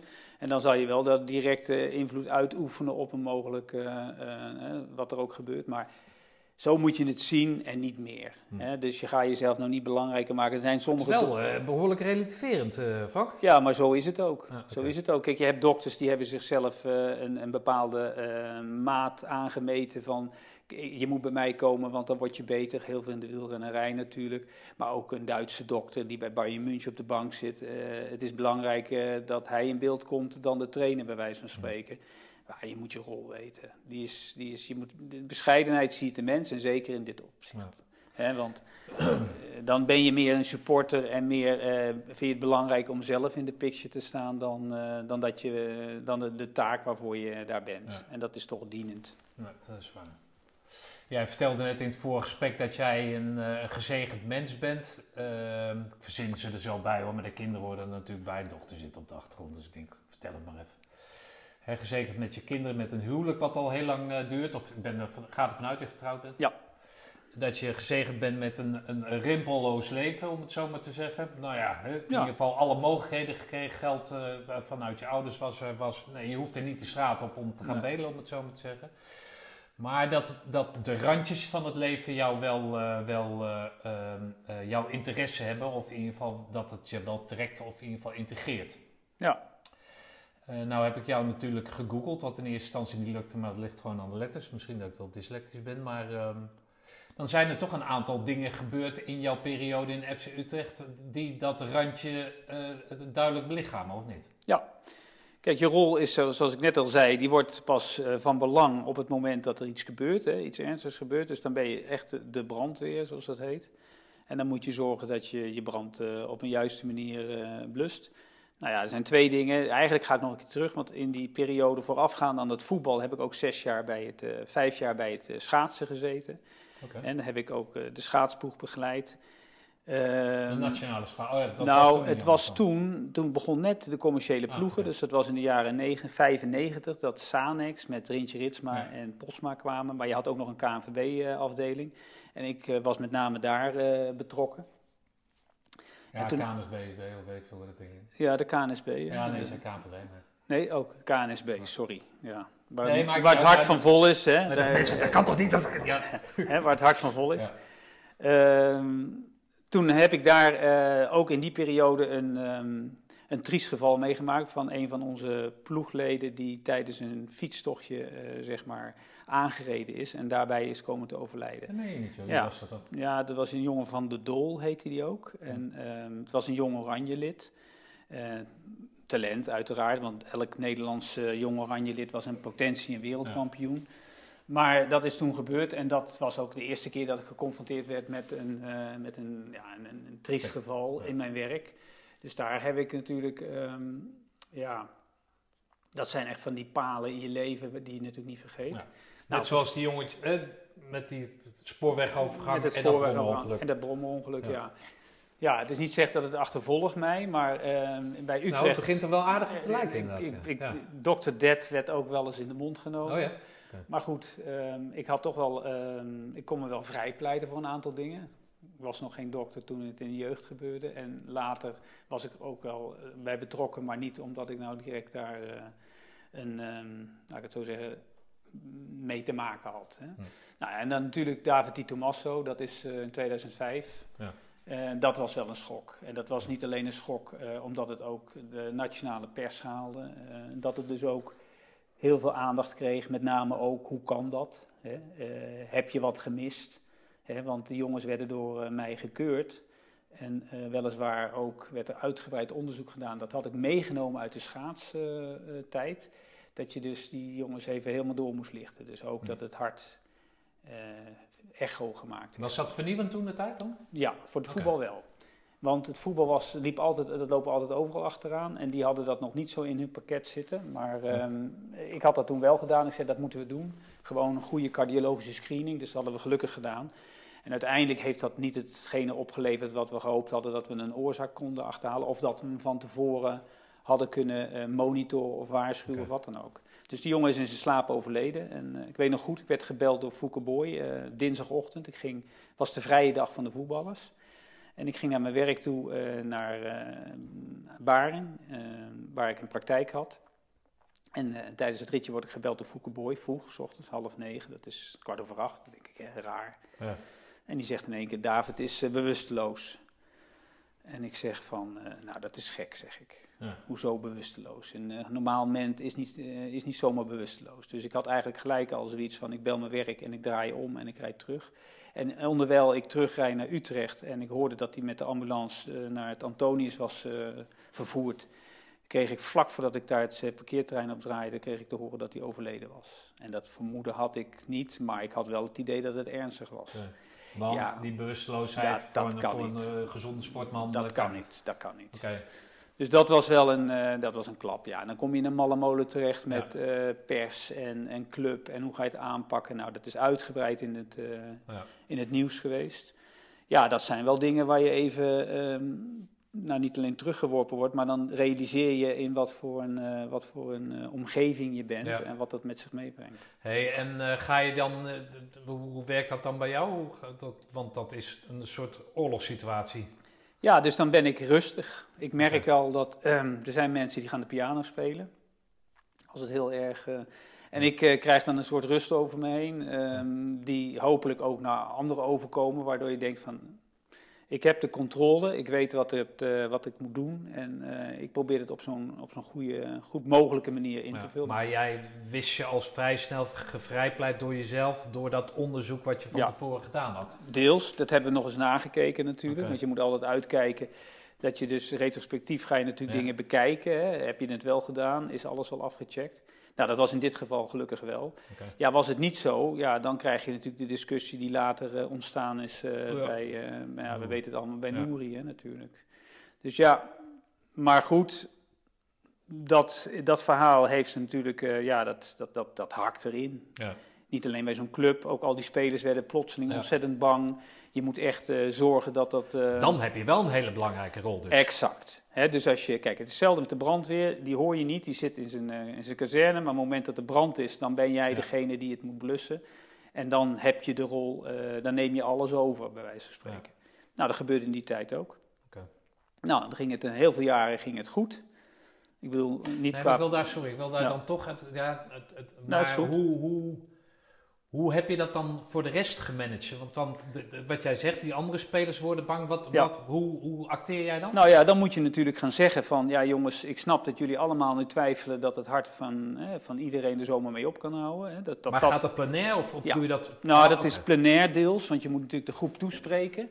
Ja, dat is moeilijk, want je krijgt ja. natuurlijk wel een groep die, in, die, die iedereen is in paniek. Hè. En uh, die hebben niet het vermogen om dat in, in te kunnen relativeren. En, en, en, is dat wel mogelijk te relativeren als zoiets gebeurd is? Hè? Want het is, het is, een, het is een, iets zo groot, Ja. Dat, dat, dat dat heel lastig is. En ze krijgen ongevraagd van iedereen ook advies en, en opmerkingen. En eh, is het bij jou dan wel goed? En eh, deugt die medische staf wel? En heeft die dokter het wel voor goed jou niet makkelijk zijn geweest. Nee, dat voor was het ook niet. Nee. Dat was het ook niet. Had het, had het, eh, het, het invloed op de prestaties dat seizoen? Ja, zeker, want we konden eigenlijk niet meer normaal presteren. En eh, het, het gebeurde in november, maar we hebben dat seizoen uitgespeeld met een, met een, met een rouwband. Eh, letterlijk en figuurlijk. Hm. Dus dat heeft, ja, weet je, dat is tot aan de, de dag van vandaag is dat nog een, een terugkerend Ja. iets. En zeker de mensen die erbij betrokken waren, dat heeft een enorme impact gehad. Ja, nou. Dat snap ik ook wel. Dus dat was best lastig om door te gaan. Hè? Ja. Maar ja, goed, dat zijn de momenten waarin je dus juist extra de schouders eronder moet zetten. Ja. En als medische staf heel druk bent om iedereen toch het gevoel te geven dat het langzamerhand hè, dat, eh, ja, dat dat kan gebeuren. Maar dat het niet gezegd is dat het, eh, dat het eh, die ander ook over, Nee. overkomt. Nee, maar als je even het linkje naar dienst eh, legt, hè, die is er niet te leggen, maar dan pak je zo'n probleem samen aan. Hè, omdat je dan, dan samen in zo'n situatie zit. In zo'n commerciële wereld moet dat natuurlijk een heel anders iets zijn. Ja, toch? Want ja, als je niet voldoet, dan word je en het pek en veren de deur uitgestuurd. En je krijgt geen salaris mee ook en eh, zoek het maar uit, klote dokter die er rondloopt. Ja, Hè, dat, zou, dat, dat gevaar ligt op de loer natuurlijk. absoluut. Ja. Maar goed, weet je, ehm, nogmaals, als je op dat niveau wil acteren, en als sporters ben je vaak natuurlijk betrokken bij iets, bij een bekende sporter of bij een sportploeg. Dus als je dat op dat niveau wil acteren, dan horen dit soort dingen erbij. Ja. Dus if you can't stand the heat, Nee, stay out of the kitchen. Ja. En dat is wel iets wat ik me ook Ja. altijd wel voorgehouden heb. Oké, Maar dat, dat deed je dus, of toen, toen dat afgewikkeld was, ja, het is een herdenken nog elk jaar, maar Ja. het is nooit afgewikkeld. Maar toen dat afgewikkeld was, toen kon je daar wel met een goed gevoel, hè, vooraf Absoluut. en achteraf, Absoluut. heb je daar goed in Ja. geacteerd. Ik heb daar nooit direct eh, misschien terugkoppeling op gekregen, of dat weet ik niet meer. Maar er is mij nooit iets in die eh, zin verweten van, nou dokter, heb je echt eh, je kansen laten liggen of je hebt de dingen niet goed gedaan. En ik moet eerlijk zeggen, die voetballerij is vrij direct. Dus als je iets niet goed deed, dan kreeg je dat ook wel, eh, dan kreeg je dat ook wel meteen op je bord. Je moet er ook wel tegen kunnen. Hè? Het is een moeilijke wereld, omdat het niet altijd even eerlijk is. eh, maar eh, eh, als je iets niet goed deed, dan kreeg je dat, regelmatig, kreeg je dat toch wel meteen op je bord. Ja. Hey, en het volgende rafelrandje? Ja, dat was Nesu, hè? Dat, dat, dat was ook een, een ontzettende pech. ja, gebeurt nooit. Roemeens voetballer? Roemeens voetballer eh, die eh, op een training eh, zeg maar een, een soort van een koprol maakt en iemand die valt bovenop zijn, eh, op zijn rug. En dat was ook niet de lichtste voetballer, dus dat was in één keer krak. En, eh, Schut toch of zo? Niet? ja, ja. En dat Ja, daar was, kon hij niks aan doen. Maar... Nee, zeker niet. Nee. En eh, ja, dat, dat kan gebeuren. Er was gewoon een duel waarin iets gebeurt. Totaal niet met opzet, helemaal Nee. niks.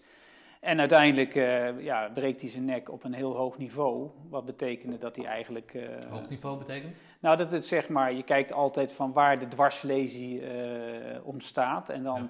hoe hoger, hoe meer functies... Hoe hoger naar het hoofd toe? Exact, ja. En hoe meer functies uitvallen. Hè, dus in zijn geval was het dat hij nog maar heel weinig functie had in zijn rechterarm. Dus dat betekent dat links en alles wat daaronder zit, dat was min of meer was het verlamd. Ja, dat wist je in het begin niet, maar dat, dat was wel zo langzamerhand. eh. Maar dat gebeurt op de training. Ja. waar, waar ben jij dan? nou, dat was, ook, eh, dat was ook wel iets, want we hadden op dat moment eh, in 2009 twee dokters.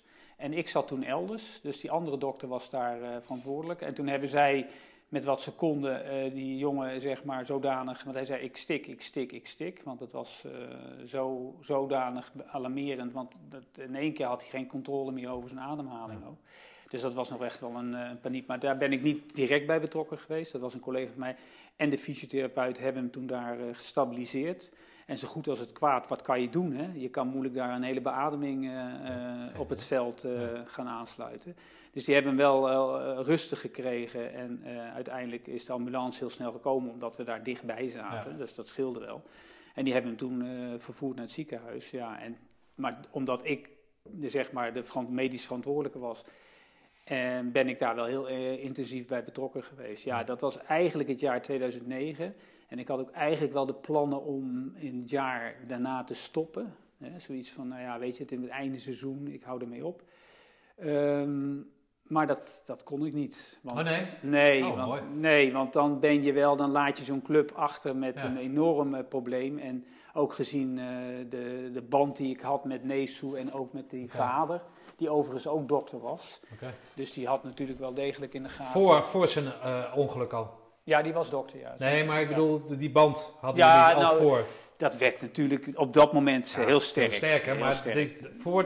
Ja, had ik een goede band met hem. Het was natuurlijk een buitenlandse jongen. Die, die, eh, maar iedere buitenlander heeft zijn eigen, eh, zeg maar, ja, die, die brengt zijn eigen cultuur mee. Het was niet een jongen die heel veel sprak. Hm. Het was niet een hele druk te maken, maar ja, we hadden gewoon een goede band. Dat probeer je dan toch. Eh, omdat het een nieuwkomer is, je probeert hem een beetje wegwijs te maken. Ik hielp ze ook vaak wel. Met eh, nou, woonruimte. Ik kende Utrecht goed. Nou, dan vroegen Ja. ze wel eens van Dok, eh, waar, waar moet ik wonen? Eh, weet je iemand? Nou, dan Ja. kende ik wel een bevriende makelaar. Die ze dan ook wel eens rondreed en, en huizen met ze ging kijken. Want ja, dat zijn dingen die, die toch die, die vanuit een club wel gedaan worden. Maar over het algemeen dan hadden ze toch weer vragen. En dan kwamen ze toch Maar weer- goed, eh, sociale jongen die je bent, dat vind je leuk. Tuurlijk. Ja, en ik denk dat zo'n makelaar dat natuurlijk ook alleen maar leuk vindt, toch? Ja, dus je doet iedereen een plezier mee. Exact, zo heeft Mertens ooit hier een huis in, eh, in de binnenstad, eh, binnenstad gekocht. En heeft hij nog steeds. Oh, oké. En die makelaar heeft daar nog steeds contact met eh, zijn familie. Nou, kijk, Eh, het dus levert ja, alleen maar leuke shirts en dan ligt de wedstrijden op. exact, ja. ja, ja. ja. Hé, maar eh, eh, als zo'n eh, Nesu dan, of als zo'n Nesu, maar goed, dan, is het dan, want dat, dat hele revalidatieding, dat gebeurt in een ziekenhuis. Hoe, hoe Ja. ben jij dan meer voor het mentale dan, dan, dan, dan Kijk, deels, maar ook voor alles wat er geregeld moest worden. Want het was natuurlijk een, en er kwam een batterij aan, aan dingen die geregeld moesten worden. En hij wilde snel naar huis, dus moest ook thuiszorg. De club deed ook natuurlijk veel in die verzorging. Ja, iedere week wel een aantal keer daar naartoe. In het begin heel- elke dag naar het ziekenhuis. Dus het was echt, je hebt er gewoon een, een, een- nou ja, laat ik het zo zeggen. Ik herken het, want ik heb het eerder meegemaakt. Maar dan, dan wordt je leven weer helemaal beheerst door dat Ja. dat ene ehm, ja, probleem. En, en kijk, het ligt bij ons, want iedereen gaat op vakantie en gaat dingen doen. Maar ik had altijd Ja. nog iemand die natuurlijk Nou ja, eh, zorg dat- nodig dat, had. Dat is toch mooi als je dat over jezelf kan zeggen, toch of niet? Ja, deels wel, maar dan mensen. ja, het heeft natuurlijk wel zijn weerslag op, Exact. op jouw eigen leven inderdaad. exact, ja. Ja. Maar goed, daar ben je voor en daar loop je niet voor weg. Dus dat Ja. zijn dingen die er- erbij horen. Ja. En, eh, Heb je nog steeds contact met hem? Nou, even kijken. Het is denk ik een jaar of twee geleden dat ik hem voor het laatst nog even gesproken had. Hij is inmiddels vanuit eh, Utrecht verhuisd, weer terug verhuisd naar Roemenië. En ehm, ik heb hem eh, nog niet zo heel lang geleden nog wel contact met hem gehad. Dus ik hou eh, het wel een beetje. De lijn is dun, maar die lijn is Ja. er nog wel. Ja, het blijft natuurlijk gewoon voetbal. Of, of zie je dat niet zo? Eh, ja, ik zie het anders, want ik heb natuurlijk te maken ook met de mens Nesu. En Nee, alles. snap ik. Maar het blijft dan toch die wereld voetbal, Ja, of niet? Of, of- ja, ja, dat is ook zo. Ja. Ja, Lijkt mij. ja maar En dat andere ding, wat, wat, wat, wat, hè, want dat heeft mij geïntegreerd dat jij zegt van, dat je die rafelhandjes, is Lenski.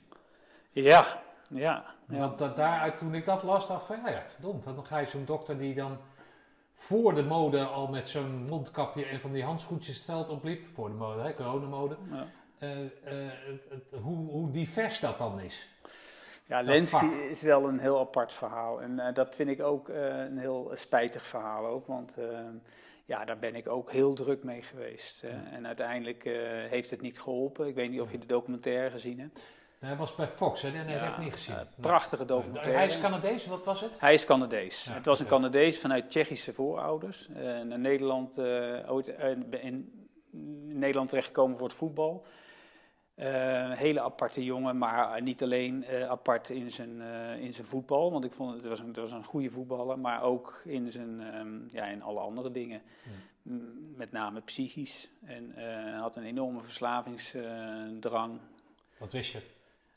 Ja, daar kwamen we achter. Maar dat is heel moeilijk, want dan probeer je hem te beschermen in daarin en, en het niet het lijk op tafel te leggen. Want eh, eh, het is een reden voor trainers en voor omgeving om hem daarop Ja. af te rekenen. En omdat hij hier in zijn eentje zat, eh, hadden we daar natuurlijk, had ik altijd wel een, een extra, ja, probeerde ik hem daarin toch te beschermen in allerlei, eh, hoe je het ook eh, went of keert. Hè. Dus eh, nou, dat was best lastig ook. En, maar jij kwam daarachter omdat er een, een, iets gebeurde waaruit bleek dat... Ja, Ja, nou ja, zo kijk, erachter. als maar. mensen natuurlijk, ik was altijd als eerste op de club, zo'n beetje 's ochtends. Hè. We waren er vroeg. En als mensen dan ook op die club komen en die tonen afwijkend gedrag, omdat ze mogelijk nog dronken zijn of wat dan ook, ja, dan eh, gaat zich dat natuurlijk wel, eh, ja, dat krijg je vanzelf mee. Want die zit in die kleedkamer en eh, je bent daarom, je, je werkt daar, hè. dat is je werkruimte ook. Ja. Dus ja, dan, dan is dat niet zo moeilijk. Hm. Ja, daar zijn we uiteindelijk wel, ben ik ook daar druk mee geweest hoor. En het heeft geleid totdat ik hem ehm, op het vliegtuig heb moeten zetten in de hoop dat hij goed aan zou komen in Canada en daar opgevangen zou worden door zijn ouders. En ook heel duidelijk tegen zijn ouders gezegd, hij heeft een probleem, een echt verslavingsprobleem. En niet alleen eh, alcohol, maar ook nog andere dingen. En eh, ga goed voor hem zorgen. In ieder geval ga, ga zorgen dat hij de juiste zorg krijgt. Hmm. Want daar kwamen we hier niet mee uit met hem. Nee. Heb je nog contact met hem? Nou, dat heb ik eh, laatst, naar de aanleiding van die documentaire, heb ik dat gepoogd. Maar uiteindelijk is het me niet gelukt om, hem, om hem Hmm. te bereiken. In die documentaire geeft hij ook heel eh, openheid van zaken. En dan zegt hij ook eh, dat hij nog steeds eh, zwaar verslaafd is. Hè. Hij is echt een, een verslaafde jongen. En dan geeft hij ook wel aan wat de rol was van mij in dat, in Oh, dat hele verhaal. Dus dat doet hij ook wel keurig. Oké. Ja.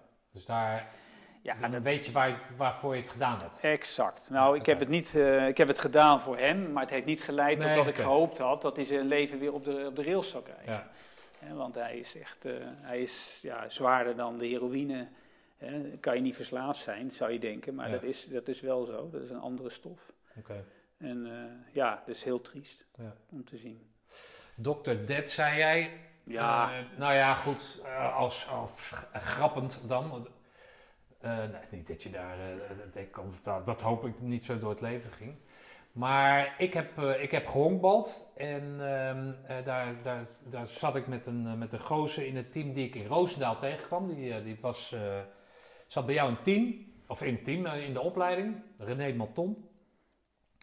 En wij komen in het voorgesprek net, komen wij daar een beetje aansluitend op, op jouw verhaal over Linsky en, en nou ja, de, de, de Nesu en die Tommaso. Maar komen we over René Maton te spreken en we, we constateren eh, dat, hij, eh, nou, dat hij gehandicapt eh, was op een gegeven moment. En jij vertelt mij een, een, een verhaal wat exact aansluit op, hetgeen, op de ellende die je net verteld hebt. Zou je dat, zou je dat, wil je dat nog een keer vertellen? Ja. Ehm, nou, het, we praten ergens in 85 november en eh, René die, eh, die, die kende ik dus vanuit de buurt en vanuit het, eh, vanuit het peloton. En die, die belt op en die zegt, joh, ik heb een nieuwe auto en die wil ik komen laten zien. En nou ja, ik zeg, joh, prima, ik ben aan het studeren, maar ik, ik, ga wel even, ik kom wel even naar beneden. En dus ik loop naar beneden en er staat zo'n prachtige nieuwe auto, of een tweedehands eh, mooie BMW.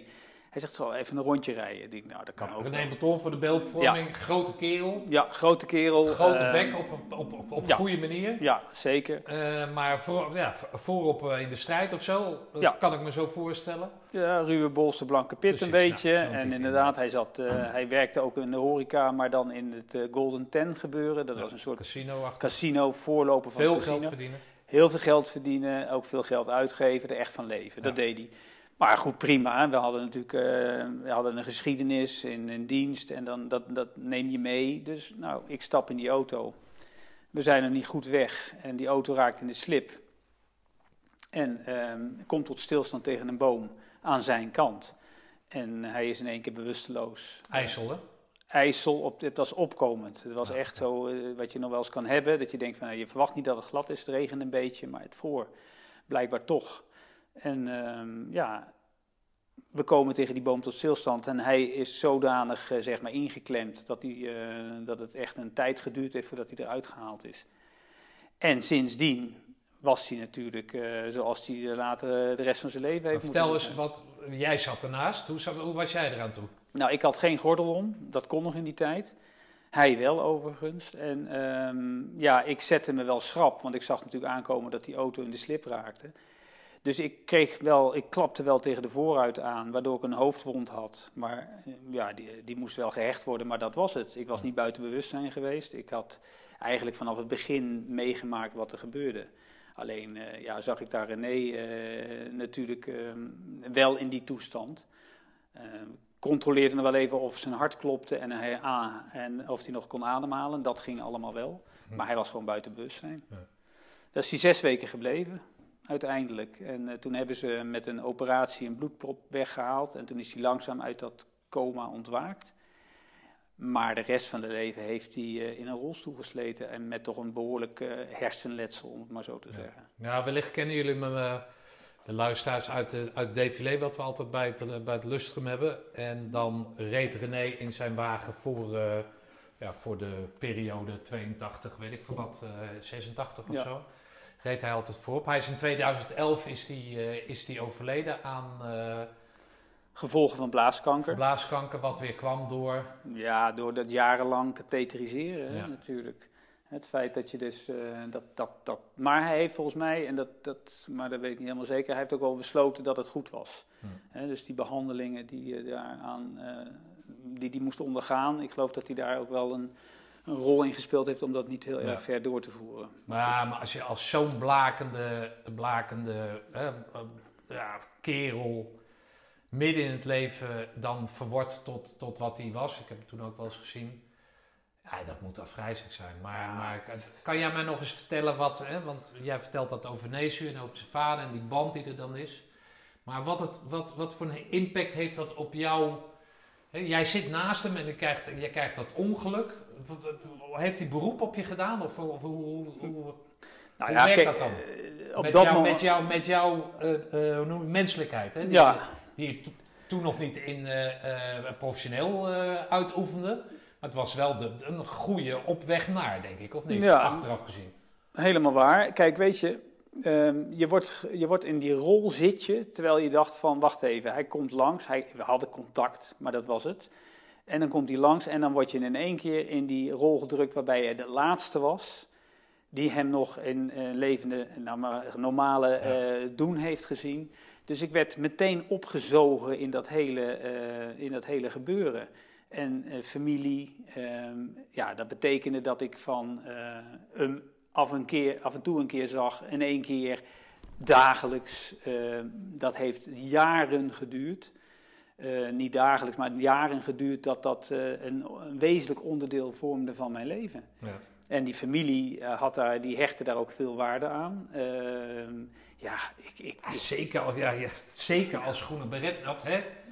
ja, Ja, je bent groene beret. Zijn vader, vertelde je net, was ook nog groene beret geweest. Ja. Ja, toch? Dus ja, dan, die, dan, die, die dan- was er, die was er ook heel trots op. ja, dan wordt dat gewoon een ding, ja, maten. Ja, je wordt in één keer zijn beste maat. Exact.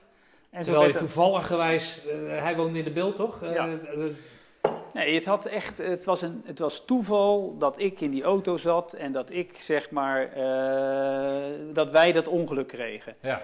En dat had. Ja. Nee, hij moet inderdaad naar boven staan. Dus dat was echt puur toeval. Ja, dat is gewoon het, het, het lot dat je, dat je overkomt. Ja, En vervolgens moet je, daar, dan moet je daarmee aan de gang. ja, Nou ja, en dat heb ik ook gedaan, zo goed als het kwaad als het eh, ging. Maar je moet niet vergeten dat ehm, eh, ja, mijn leven ging verder. ja, En dat leven van René, dat stond stil. ja. En dat ging eigenlijk alleen maar achteruit. Ja. En hij zal nog best mooie jaren gehad hebben, maar als hij. Ik, ik denk dat hij, eh, voor mijn gevoel, als dat afgelopen was geweest, dan was dat. dan was dat ja, je mag het nooit zo zeggen, maar ik denk dat hij daar alle vrede mee had kunnen hebben. Ja. Ja, dat was dus niet zo. En dan betekent dat er een hele nasleep komt van eh, revalidatiecentrum, operaties waar nog eh, wat mogelijk was. Eh, vervolgens op zichzelf wonen in een, ja, het is een, een, een, woning met volledige verzorging natuurlijk. Ja. Ja, daar ben ik veel geweest en ja, Ja, het was toen heel pijnlijk dat, dat, dat, en dat zal jij in jouw beroep veel vaak hebben meegemaakt, maar dat je dan als jonge kerels onder elkaar viel, nou in ieder geval die hè, leeftijd, dat, dat hij dan, eh, weet je wel, van die, van die eh, lekker wijf, weet je wel, zo. En Ja. Dat, dat, dat dan zo schrijnend is. nee, dat Ik maakte in de discotheek ook geen kans.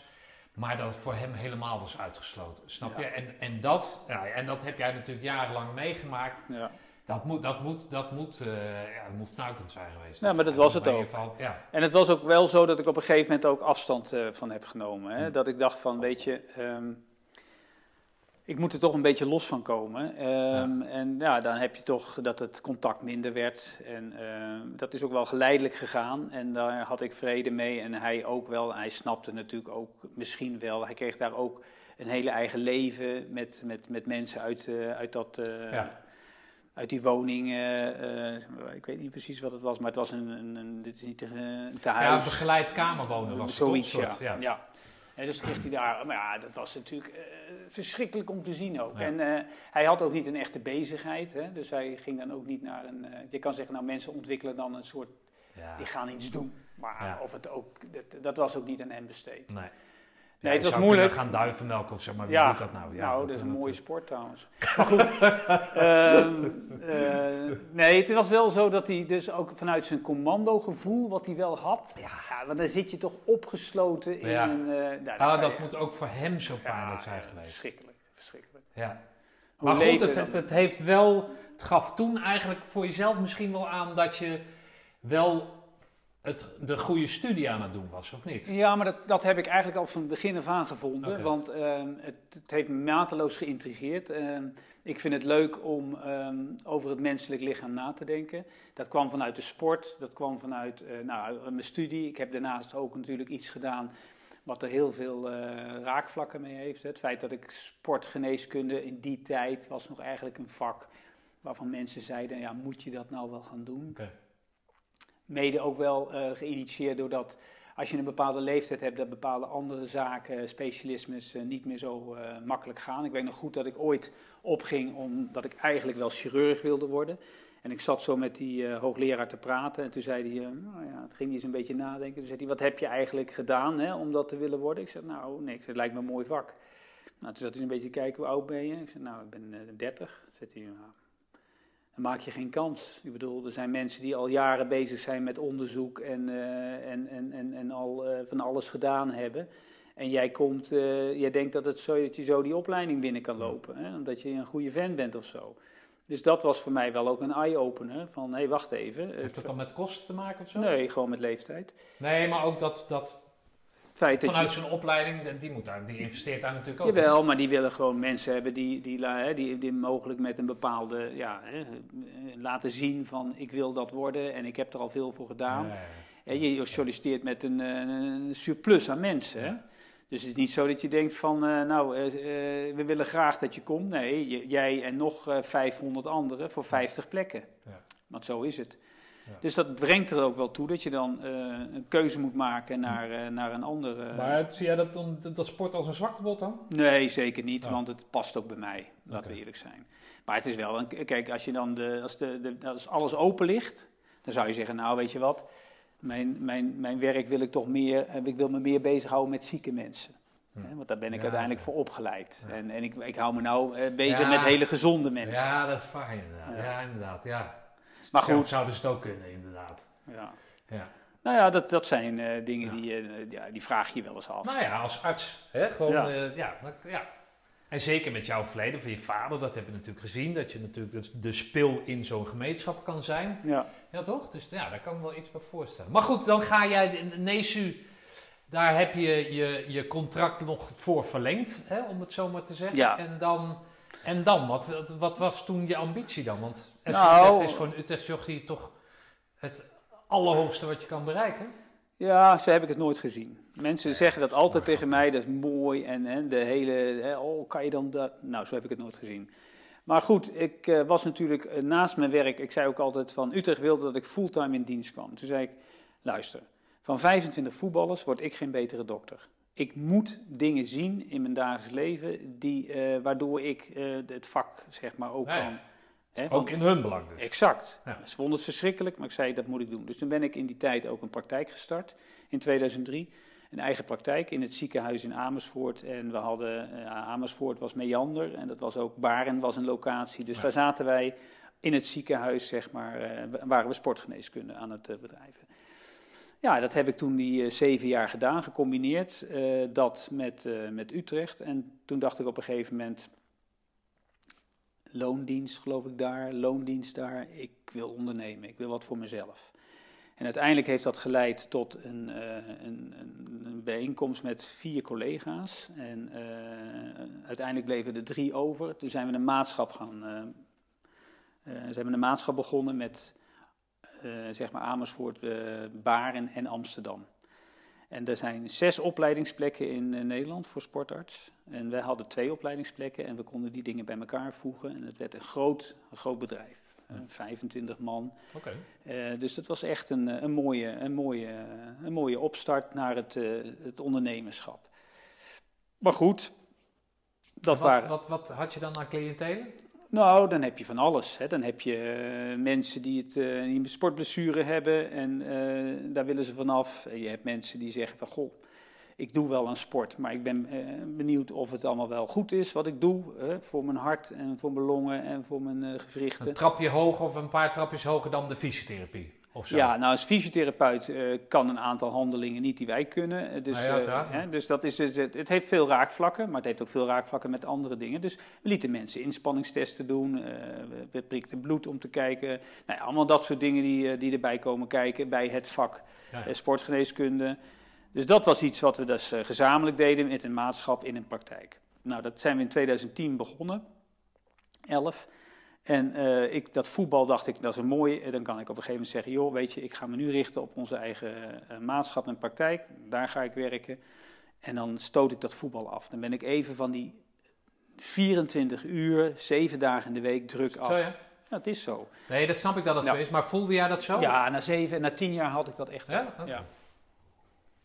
Nee, omdat je toch bepaalde, aangeeft dat je bepaalde dingen weg kan zetten, eh, kan relativeren. Ja, maar het is wel zo dat je je telefoon altijd aan hebt. En als er iets gebeurt buiten het veld of eh, op het veld, jij bent degene die dan vaak toch het moet oplossen of in ieder geval wat En moet dat doen. komt Zo- door die Tommaso, komt dat. Nee, dat komt Nee? gewoon omdat als is voetballer buiten... basisartsgevoel. Dat is gewoon het feit, je bent ook huisarts voor die jongens. Ja. Als ze buikpijn hebben, bellen ze jou. Hm.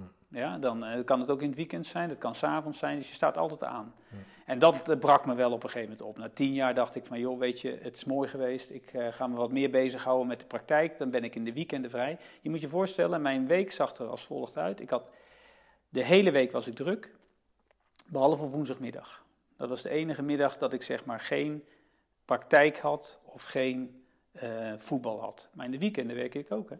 Dus ik had Hoe soms... deed je dat dan met die, met die jongens en, en je vrouw? eh? Nou ja, die, die moesten dus inderdaad heel veel zelf doen. Want eh, er was geen weekend dat ik vrij had.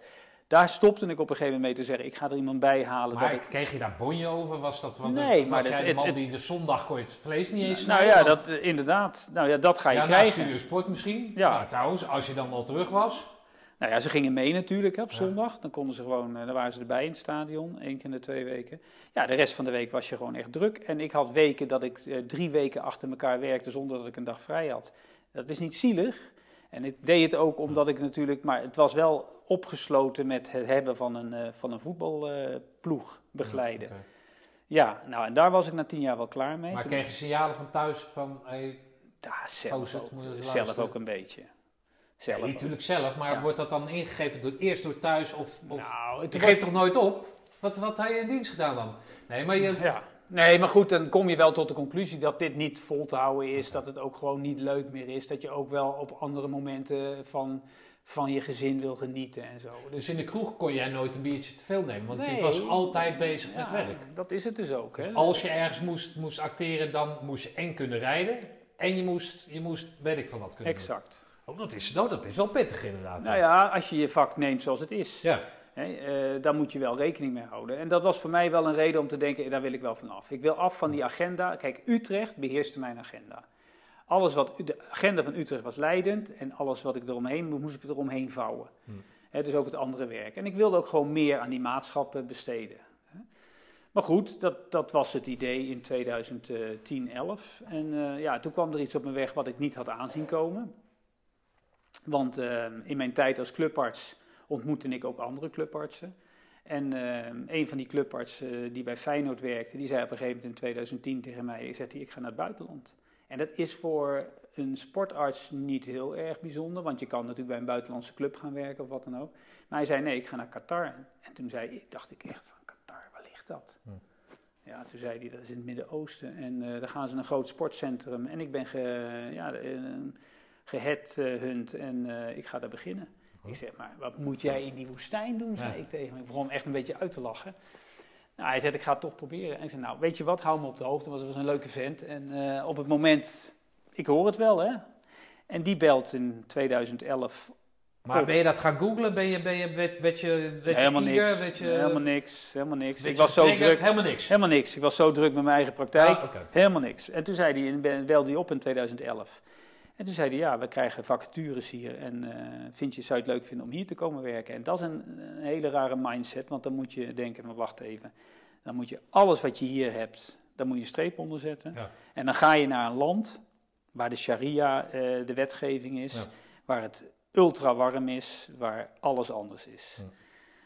Ja, dat, en ja, dan gaat zoiets in je hoofd broeien en dan ga je dus over nadenken. Zeg nou kom eens kijken, nou ben ik er geweest. Toen zei eh Liesbeth, zei nog één jaar en dan weer terug. Dat was het idee. En toen zei Maar ik, jullie zijn met z'n vieren erheen gegaan. ja, wacht, dat één jaar dan weer terug en dan zou die maatschap, mijn plek in de maatschap zou blijven. Die jongens zeiden ook, we vinden het waardeloos wat je gaat doen. Want eh, we dachten dat we iets aan het opbouwen waren en nou verdwijn je in één keer. Dus je krijgt een jaar, dan kom je gewoon weer terug. Dus dat was de insteek. Maar ja, een jaar is geen jaar, want je moet wel alles verhuizen. Inderdaad, het gezin ging mee, de kinderen. Die, eh, mijn zoon was 14 en mijn dochter was 9. Oh joh. Die moesten Oh, gewoon... ja, natuurlijk. ja, Ja, nee, die moesten gewoon uit hun, eh, uit hun comfortzone en Ja. alles wat ze hier hadden. Dus nee, die waren daar, eh, nou ja... Wat zeiden ze dan? Wat was hun eerste reactie Nou, dan? in het begin vonden ze het natuurlijk wel spannend. Want dat is het hè, als kind dat je gaat eh, verhuizen en naar een ander land. Ja, en men, nou, op een gegeven moment ga je natuurlijk ook zien van wacht even, dit gaat echt gebeuren. Dus mijn dochter had er wel wat moeite mee. Die dacht ook van Ja. wacht even, niet, vreemd land, eh, andere kinderen. Mijn zoon had er wat meer, minder moeite mee. Die, Maar hoe verkoop je dat aan je dochter dan? Dat, dat ga je dan laten zien wat daar de leuke dingen zijn? Of zo? nou, eh, ga je het over de toekomst hebben? Want dan Nee. eh, spreek je Engels en... Ja, dat zijn dingen Ja? die ze natuurlijk nog niet in het... nee, maar dat, ja. dat zo ga je het verkopen. Ja, en dus is Ja. oh ja, nou, een kind van negen vindt dat dan misschien nog wel stoer. Maar uiteindelijk ziet ze de realiteit onder ogen. En dat betekent, nee, we gaan echt. En het is geen vakantie. Nee, we blijven er echt. En dit is ons huis. Dus dat was wel een ding. En dat heb ik me ook gerealiseerd. Ehm, maar ja, goed, weet je, dat is het ook. Hè. Als je een keuze maakt, neem je afscheid. Ja, dat hoor ik je nou een paar keer zeggen. Ja, ze maar dat is wel zo. Zijn, maar Ja. dat- ik ben zo benieuwd naar de rest dan. Ja. Ja, maar dat, dat is Het, was dus... nooit, eh, dat, het is nooit in jullie opgekomen om jou daar te detacheren en de rest hier te blijven. Mm, Nee, dat was het niet. Ja. En dat had ook meer te maken met het feit dat het voor ons ook wel als gezin wel een bijzonder moment was. Fantastisch toch? Lijkt me Ja, want je Ja. bent dan echt met z'n vieren aangewezen. Alle tijd. Kamperen terwijl je altijd eh Nou, all-inclusive bent. Absoluut. Nou, die, een- dat één jaar werd vier jaar, omdat mijn zoon Ja. ook zijn middelbare school afmaakte. De vier beste jaren uit ons leven. Oh ja? Absoluut. En ik spreek voor iedereen. Je bent zo op elkaar aangewezen. Je bent zo. Ik had een baan. Nou, dat eh, fantastisch. Ik begon s ochtends om acht uur en ik was middags om vier uur klaar. Dan rende iedereen het ziekenhuis uit. Huppakee naar huis. Kwart over vier, half vijf was ik thuis. En de avond was altijd vrij. De weekenden waren vrij. Ik had af en toe wel een En bereikbaarheid. het geld was goed, denk ik dan. Fantastisch. Het leven daar was prima. Het was warm of heel warm. Ja. Maar het was een. eh, kijk, dat is wel een stap geweest waarbij ik zeg van die heeft heel, her- heel erg goed uitgepakt. Maar zijn jullie als gezin, Echt waar. ja, dat zijn jullie naar elkaar gegroeid? Of naar elkaar toe gegroeid? Absoluut. Oké, Nou, en nou, dat is natuurlijk. allemaal mooi. Ja, het was echt, dat was echt een. eh, zoals ik het zie, waren dat een belangrijke jaren. eh, inhaaljaren ook, hè, van de jaren ervoor, Ja. wat ik er gewoon niet was. ja, ja, tuurlijk. En dat ik mijn telefoon, hè, en mijn dochter zei wel eens: Pap, jij zit altijd met je telefoon aan je oor. Ja. Ja, dat was dus daar niet zo. Nee. Het was echt van, van, van, van uberdruk naar, eh, naar gewoon alle tijd. Hm. Ja, dat heb ik als heerlijk ervaren. Dus dat is ook de reden geweest dat... eh, Ja, het was misschien ook wel een goede periode natuurlijk voor jullie tweeën dan, of niet? Absoluut. In de zin van dat je natuurlijk uit zo'n drukke periode komt, maar dat je, dat je ook moet oppassen, want die kinderen worden natuurlijk ouder. Ja, Dat je het nog wel met elkaar doet. exact. Ja. Ja. En En dat, dat, dat heb je daar blijven vinden. helemaal. Of helemaal. heb je het hervonden? Of ja, heb- nou, nou, in ja, je ontdekt weer, voortgezet je, wellicht, ja, je ontdekt dan ook weer hè, de, de, het gemis en de zaken die, eh, waar je geen aandacht voor hebt gehad, noem maar op. Ja, nee, dit is in alle, in, op alle fronten, en dat zeggen we eigenlijk alle vier wel, dat waren de vier eh, mooiste jaren, in een, een hele bizarre omgeving. Want ik kan je vertellen, je kan overal naartoe verhuizen, maar niets is zo anders als het Midden-Oosten. De klederdracht is anders, de taal is niet te begrijpen. de, het geloof. Ik heb jouw LinkedIn eh, op, eh, op, op zijn Arabisch gezien, inderdaad. Heel mooi, hè? Ja. Eh, het geloof is eh, totaal anders, maar ook zo in, ehm, geïntegreerd in de samenleving. Het is een totalitaire staat. Nou, er gebeurt van alles, en dat heb je ook kunnen lezen. Dat zal ik ook niet eh, ontkennen. Maar als, als, als expat, en zeker ook als, eh, als, als, als, als expat uit Europa, ja, word jij wel in de watten gelegd.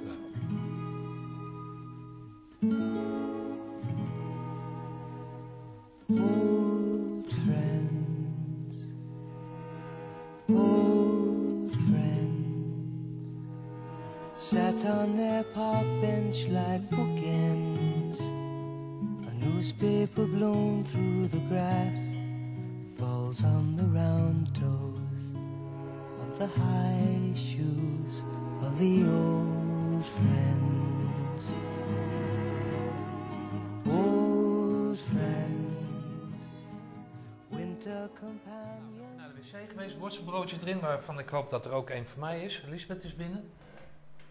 Ehm, hoe, eh, eh, want, want, je bent, je bent een geëngageerde arts, om het zo maar te zeggen. Hoe, hoe is, was Qatar puur voor de rust? En, of er in, wa- was daar ook de mogelijkheid om je, om je, je vakmanschap uit te breiden? Mocht je daar mooie dingen doen? Of had je daar, kreeg je daar de kans voor? Of hoe, hoe moet ik dat zien? Nou kijk, ehm, toen in 2011 Qatar dit WK kreeg toegewezen, ehm, is daar wel iets gebeurd om dat land ook op dat gebied van de sport en de sportgeneeskunde op het niveau te brengen eh, wat eigenlijk wel vereist is. Dus dat centrum waar ik werkte, dat heette Esp- Aspire en Espetar was het ziekenhuis. Dat was zeg maar er totaal op gericht om alle kennis die er in de wereld was, daar naartoe te halen en dat ook zeg maar verder uit te werken. Dus er werd een ongelofelijke bak aan geld uitgegeven om dat complex daar neer te zetten. En daar, eh, ja, dan zie je wel wat er kan ontstaan. En in die tien jaar is het het meest aansprekende centrum in de wereld. Het staat in een klein staatje in de woestijn, maar er is nergens zoveel kennis en kunde aanwezig Oh op het gebied van sportgeneeskunde, eh sport, eh, dus fysiotherapie en wat je ook zeg maar daarvan kan zeggen, als daar. Want ze halen overal de mensen vandaan die daar zeg maar invulling aan kunnen geven. Dus in die omgeving werken was fantastisch.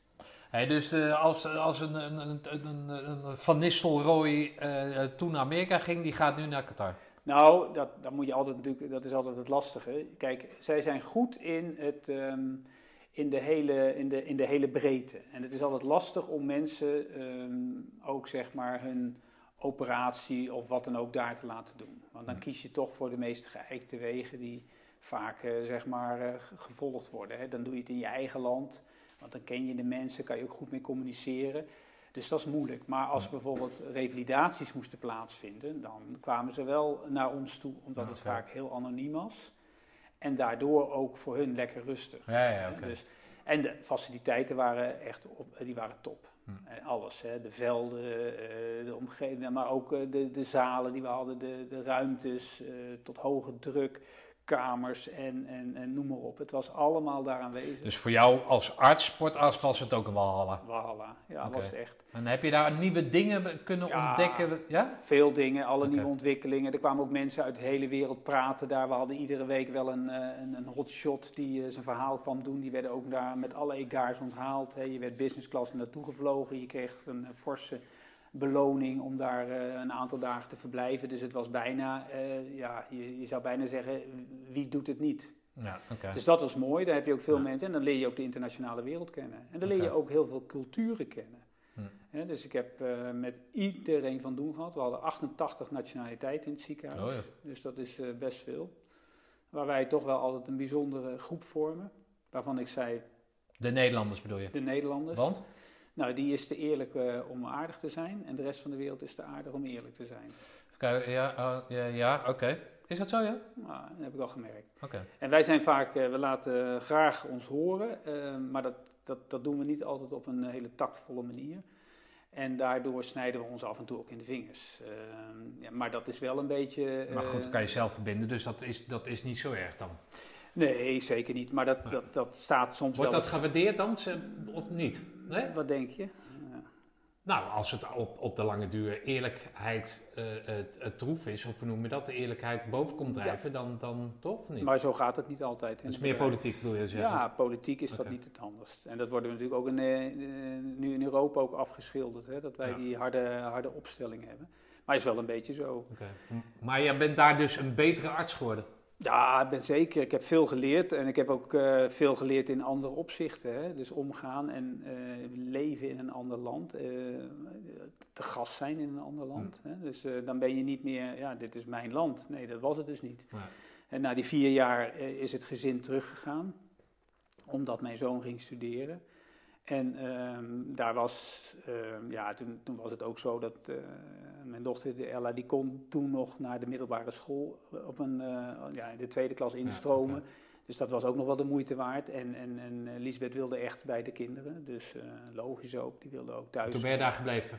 Toen ben ik daar gebleven met het idee, weet je, ik blijf daar nog een half jaar, een jaar hangen, nog wat dingen afhandelen en dan kom ik ook.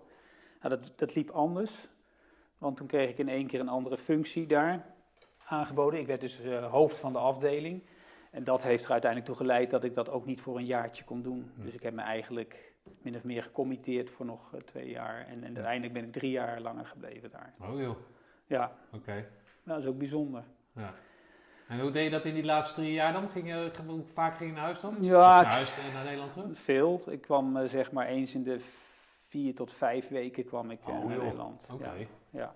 Ja, het zou dus eh, wat langer kunnen geweest zijn. Nee, maar. Skype heb je daar nog bij, dus dan het, het- Ja. je, krijgt, je houdt de vinger eh, Nee, redelijk aan de pols houden zeker. aan beide kanten. Ja, maar om nou nog even wat van een middelbare school van mijn eh, dochter mee te maken, had ik wel besloten van als zij naar de vijfde gaat en dat ik dan nog die laatste twee jaar in ieder geval thuis ben. Dat vond ik wel. Hey, want wat, wel- wat ik me wel afvraag is waarom. wa- Jij bent dus eigenlijk voor die, voor die, voor die praktijk. Ben je eigenlijk altijd, altijd het uithangbord geweest dan, of niet? Voor welke praktijk? Nou, die, die, eh, die eh, hoe heet met die vernoten. Ja, dat was het toen wel, want ik had natuurlijk een belangrijke rol daarin. Omdat nee, maar en FC Utrecht, dan ga je naar Qatar, daar kan je toch over opscheppen? Of, Nee, wacht als- even, want nee? het, hield natuurlijk meteen op. Want ik zei, eh, dat jaar, nou, dat ga ik hem niet op afleggen. Ik, het was in principe een contract voor drie jaar. Dus ik had al gelijk zoiets van, nee, dat gaan we niet doen. Dus ik ben eigenlijk na een jaar, ik ben meteen uit de maatschap gestapt. Ah. Dat was ook wel weer een, een, een keus die, eh, die ik moest nee, maken. dat was. Ja. Nee, heel goed. Maar ik ben meteen eruit gestapt. Ah. En dat heeft, eh, ja, dat, dat, dat gaf Scheef natuurlijk... ogen. Ja, die vonden dat niet leuk. We hadden ook al, eh, voordat we die maatschap startten, waar ik ook wel de initiatiefnemer van was, hadden we gezegd, nou, we blijven voorlopig even bij elkaar. Ja, dat is even kut inderdaad. Ja. ja. Dus dat, dat was niet Ja. zo leuk. Ja. Uiteindelijk heb ik die contacten, het waren wel de maten ook, hè. niet alleen eh, eh, qua op het werk en eh, in de maatschap, maar het waren ook echt wel vrienden van me. Ja. Nou ja, goed, je weet nooit waar het heen gaat, maar uiteindelijk ben ik weer terug op het nest, alleen nu niet meer als maat, Nee, maar nu als, als werknemer. Dus sinds een jaar ben ik weer terug in Nederland en ben ik daar. En hoe, lang, hoe, hoe vaak werk je daar dan? Nu twee dagen in de week, want ik had zoiets van. Ik wilde eigenlijk eerst in een half jaar niks doen, maar ze kwamen al heel snel van: God, kan je toch niet eh, komen?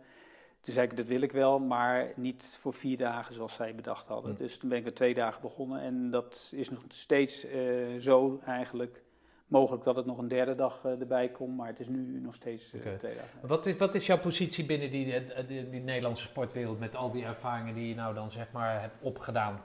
Ja, goed. Ben jij, ben jij, ben jij, word jij een, eh, een nestor of zo? Of word je, ben Hadden jij een goed, goed geziene eh, partij waar je problemen neer kan leggen, goede opleider of noem eens? Ja. Wat, Nou, ik ben nu eh, inderdaad weer in de opleidingscircuit beland. Dus ik ben, zoals het heet, plaatsvervangend opleider.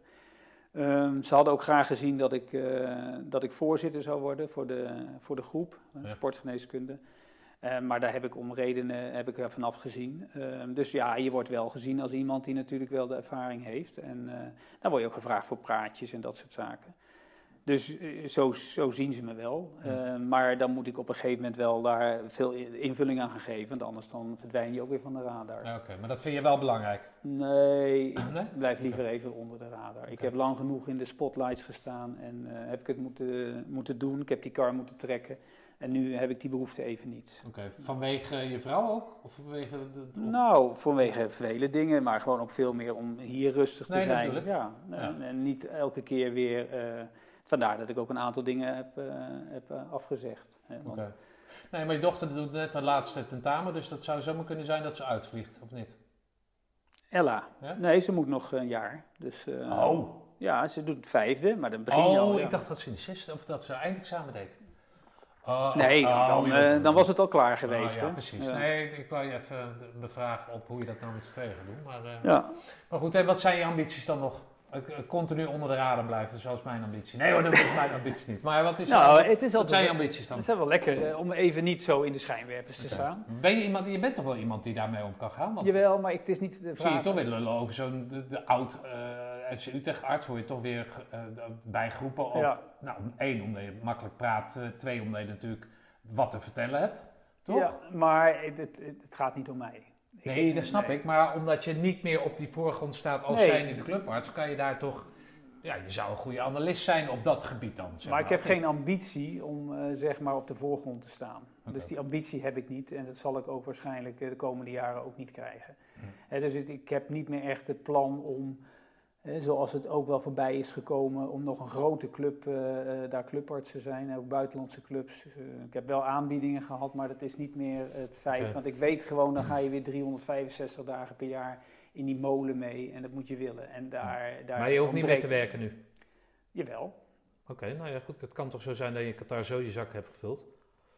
Ja, maar dat is twee dingen. Eh, werken vind ik ook belangrijk voor mezelf. eh, om Nee, toch, hoeft. Ik wil ja. niet zeggen dat je dat doet. Nee, maar doet. dan, dan hoef je, ja, dan, dan kan je zo, zo kan je het ook zien. Maar uiteindelijk eh, is het niet zo dat ik eh, nou eh, eh, op mijn, eh, met pensioen zou kunnen Ja, gaan. Nou, het zou misschien kunnen, maar dan is de vraag hoe je dat wil invullen. Dus dat, nee. Nou, oké. Hey, luister eens, eh, eh, waarom ik eh, jou als eerste eh, interview buiten ons, eh, buiten mijn peloton, was mijn peloton niet, maar deel uitmaken van het peloton, was dat elkaar kennen. Die, de vraag blijft hetzelfde, hè, of je nou bij, bij mij het peloton hebt gezeten of niet, maar als groene beret. En ik kan het al enigszins invullen voor je, maar wat, wat, wat heb jij nou precies aan die groene beret gehad en hoe geef je dat af en toe inhoud dan? Zijn er moeilijk- moeilijke momenten waar je in denkt van, kut, nou daar ben ik uitgekomen. Nou, je hebt meerdere moeilijke momenten aangegeven, buiten jouw eh, ding om, maar waarin je dan teruggrijpt op hetgeen wat je in Roosendaal geleerd hebt. Ja, vind ik altijd lastig, want dan bete- zou betekenen dat ik iedere keer weer eh, iets oproep wat zeg maar daar gebeurd is Ah, ja. en waardoor ik het dus ja, maar zo Ah, ja. zie je het wel. Ik denk dat het meer een vorming is. Een vorming van, oké, je hebt dat gedaan en dat betekent dat je een bepaald eh, karakter hebt, maar ook een bepaald doorzettingsvermogen. En dat dat zeg maar leidend is geweest eh, voor mij, zeker voor mij, in de rest van mijn, eh, van mijn leven. Kan ik wel zeggen, want daardoor ben ik ook heel anders die studie ingegaan. Het heeft wel uiteindelijk geleid tot waar ik gekomen ben. En mogelijk ook wel de problemen die ik dan gehad heb, ehm, ja, ook op die manier ook aangegaan ben. En of dat goed geweest is, dat weet ik niet. Maar ja, uiteindelijk eh, kan ik zeggen dat het voor mij een belangrijk stap- Jij was op de juiste plek op de juiste tijd. Exact, Ja. Het heeft echt eh, veel, veel bijgedragen, zeg ik altijd, om het ook misschien wat extra eh, inhoud te geven. Ja. Hè? Dat het niet een, het is niet een diensttijd waarvan je vaak mensen over hoort. Ik heb tien maanden op mijn, op mijn bed gelegen en het was, het was verschrikkelijk. Ja.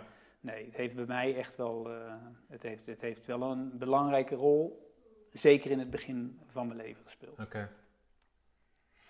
Nou, dat is, eh, ja, lijkt mij een, eh, een goed besluit, Frank. Of, Ik denk het ook. ja, je moet naar Loos even die andere huis warm houden. Maar, Absoluut. of heb je zelf nog... Nou, ik denk dat, nee, nee. Ik, ik vond het aangenaam om met je te praten. Ik was in het begin gezellig eh, over andere dingen ook. Maar eh, ja, je bent een, eh, een- je bent makkelijk om tegenaan te praten. Dat is ook fijn. En je stelt de juiste vragen. Dat vond ik ook al in je vorige podcast. Ah, nou, Dus ik denk dat, ik hoop dat het tot iets gaat leiden. En Ja. niet zozeer dit, deze podcast, maar dat je hierdoor zoveel ervaring opdoet. Ehm, wat uiteindelijk. Ja, Jeroen Pauw moet toch opgevolgd worden, zeg ik altijd maar. Ik, eh, ik zie wel een rol voor je weggelegd. hey Frank, bedankt. Ehm, ik hoop, eh, nou ja, middels de, deze weg eh, wellicht ook zo'n, zo'n die, die best man van jullie. Hè? Die, ja, het, het- zijn Ja. broer heeft ook bij ons in de, in de lichting gezeten. Ja. Misschien wellicht wat, wat meerdere mensen van jullie te ondervragen. Het ga je goed, Frank. Want je hebt een, je hebt een, je hebt een mooi leven en je hebt een, en je hebt een mooi verhaal. Dat is eigenlijk het belangrijkste. Dankjewel. Graag gedaan. Nou, dat was hem dan weer. Ik heb Frank leren kennen als een gedreven vent met een goed oog voor zijn omgeving en gezegend met een sterk ontwikkeld relativeringsvermogen. Commando van Helmond, dank voor je mooie verhaal. Het ga je goed.